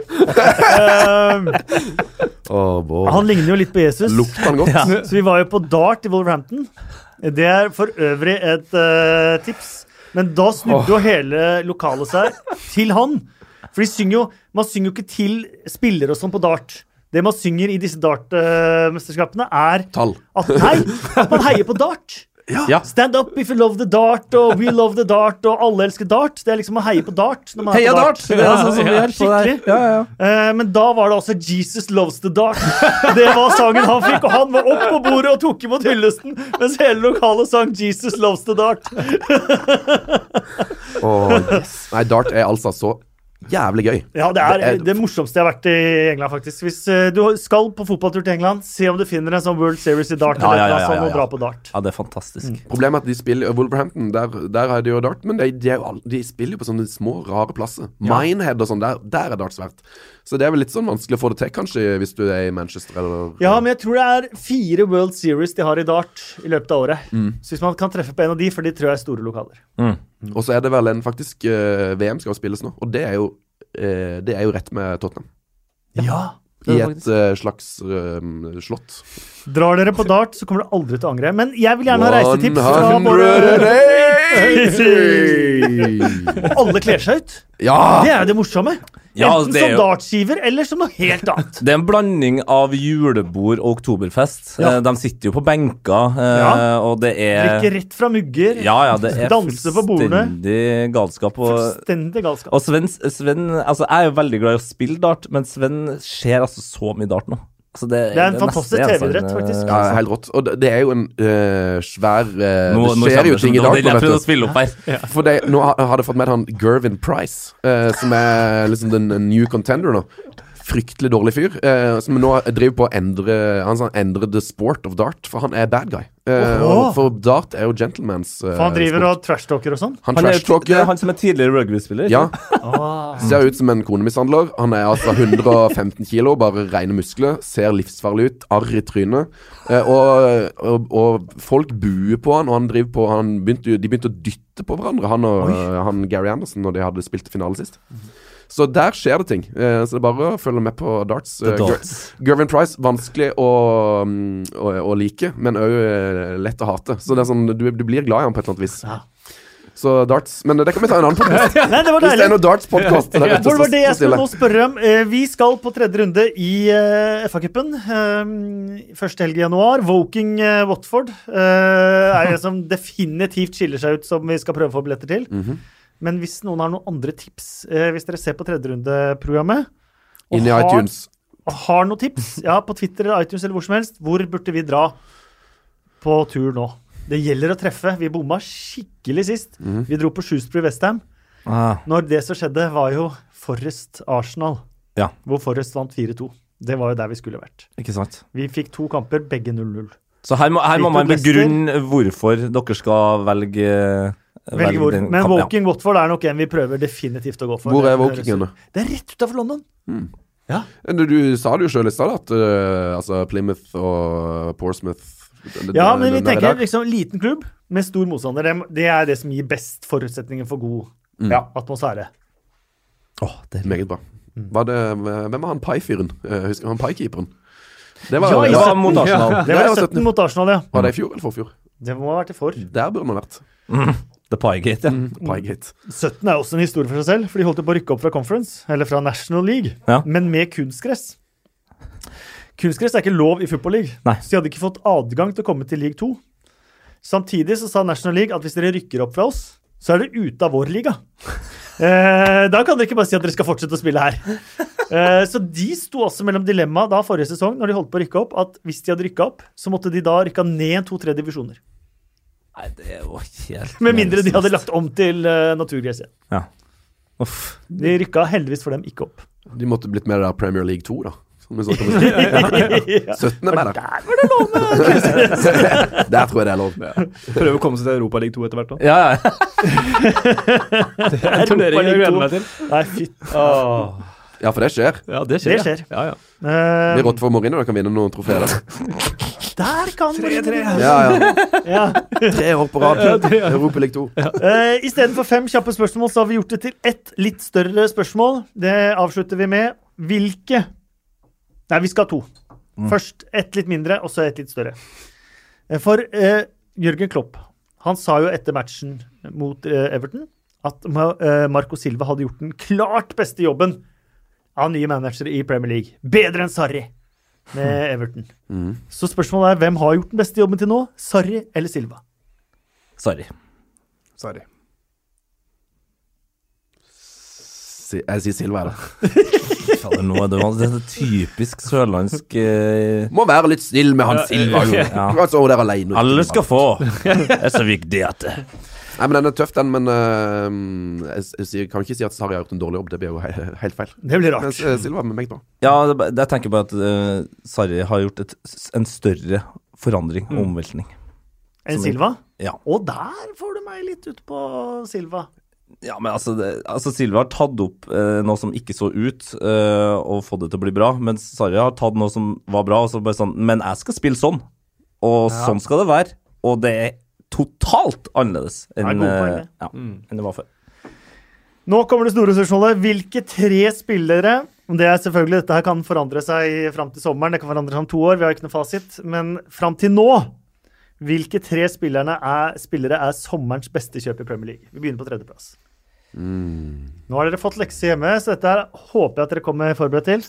Ja, jeg har skrevet noen Se på han flinkisen har gjort det.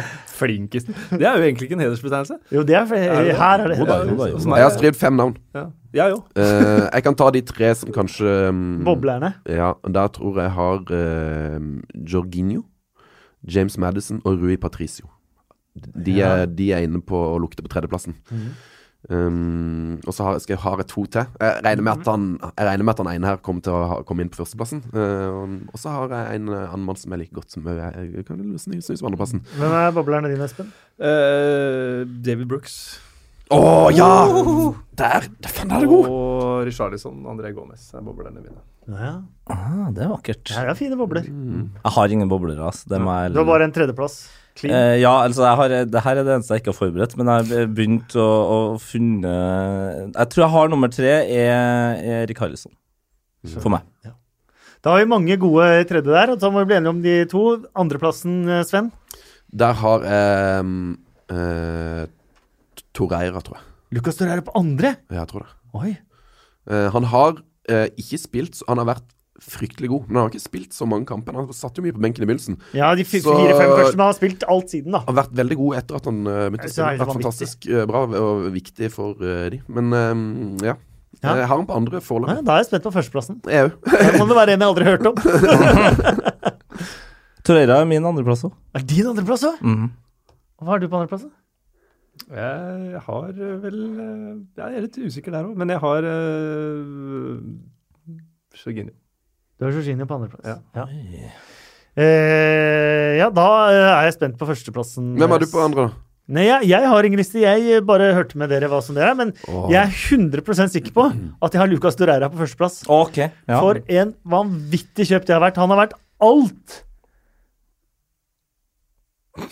Han har vært alt Arsenal har uh, mangla.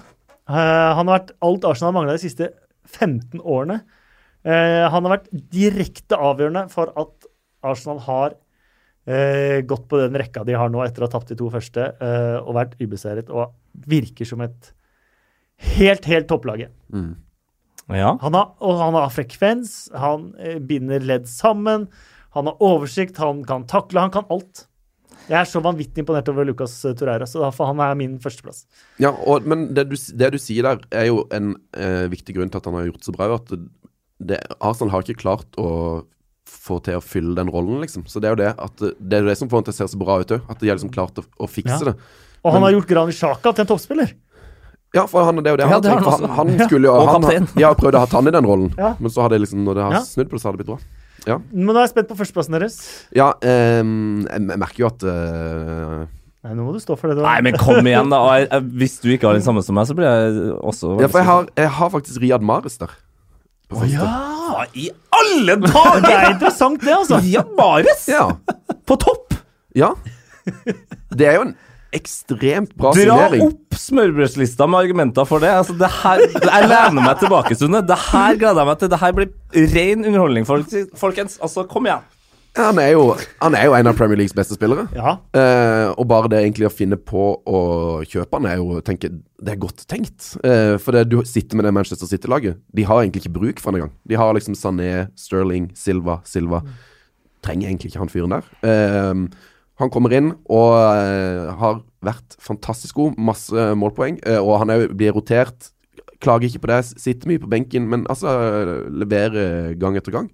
Eh, og kommer til å vinne ligaen og være Og har liksom i- Kommer til å vinne ligaen for andre gangen nå. Har vunnet ligaen nesten alene med, med Leicester. Fantastisk, eh, fantastisk god spiller. Det er jo det er lett å være opptatt av det å vinne ligaen. Men eh, noe av det viktigste i Premier League er jo å fortsette å holde seg i Premier League. Og min spiller er mannen som nettopp vil gjøre det nesten på egen hånd for laget sitt, og det er Mitrovic. Altså, ja, han var på lån der, men han ble liksom Han eh, ble kjøpt i sommer. Skåra sju mål på et lag som er i fullstendig Altså, alt bare går eh, åt skogen. For en spiller! For en deilig spiss. En Definitivt toppskårer i Nations League. ja, men ikke sant? Tenk på det. Og det var vel også den eh, Altså, eh, det bare den måten hans karriere plutselig fikk en oppsving på. Og for meg så virker det som han eh, bare skal fortsette å skåre. Og, og når da Ranieri eh, får litt eh, fart på forsvaret i tillegg, så tror jeg kanskje Fulham eh, vil gjøre det så bra som vi har trodd at Wolves skulle gjøre det. Vi må si at det er spenstige valg på førsteplass begge to, men eh, det er jo det vi eh, lever av. Ja. En, altså, med, hvor mye kritikk jeg får, fikk for Mares-valget, så er jeg jo ikke helt enig i at Mitrovic liksom Hvor var, mye var har. Her har du Var veldig du har en god Hvor mye har Marius spilt? Han, har, ikke han, satt, har ikke han satt rekorder på er det ikke, Han har liksom hatt så Det er aldri noen som har hatt så mye målpoeng på sine første ti kamper. Så det, Ja, det Da er det Premier League, for i, i Tyskland så er det en, eh, en annen som har lyst til å være med i den eh, diskusjonen. Ja, ja, ja, ja. Eh, Alcacer, som har, har vel mål hvert 29. eller Sekund. Ja, Han ser jo bare på ballen, så blir det mål. Eh, din førsteplass ble da Lucas Dreira. Ja, det ble det. Ja, det er eh, Da er det fasit. Altså, da, skal vi, ja, da skal vi være enige om at Torreira rykker opp det første, ja. Det, det, det, og så er det Mitrovic på andre. stor enighet om Mitrovic. da. eh, Kanskje topp ti. Nei, topp fem. Nei, men jeg, Ja. jeg, jeg, ja, Mitrovic det Jeg syns det var gode valg. Jeg synes det er veldig mye bra at man ikke bare har det samme. Takk. Ja, så det er veldig bra. Jeg hadde Madison på tredje, da. Jeg hadde James Madison på tredje. Du hadde Madison på tredje. Ha, Hadde ikke han som boble, Hames- hadde han på tredje. Hames Madison. Hames Ja. Madison. Hames Hames. Madison. Han er god. Han har jeg sett spille live i uh, Skottland. Gratulerer. Mm. Skal Jeg var der når han skåret det målet, vet du. That goal. Aberdeen-frisparket som alle har sett. Ja, det var jo fantastisk uh, mål. Det er, han har et morsom reise. Coventry, Aberdeen, Norwich, Leicester. Mm. Og at ikke en topp seks-klubb kjøpte han nå, det skjønner jeg lite av, men det kommer til å skje. Uh, det fine for eh, Norwich er jo at eh, han ikke hadde plassa der i denne sesongen, så det ja. Ikke sant? Han har ikke vært god nok for Norwich. Det var bra at han gikk, så vi fikk plass. Ja, Todd Cantwell. Yes. Yes.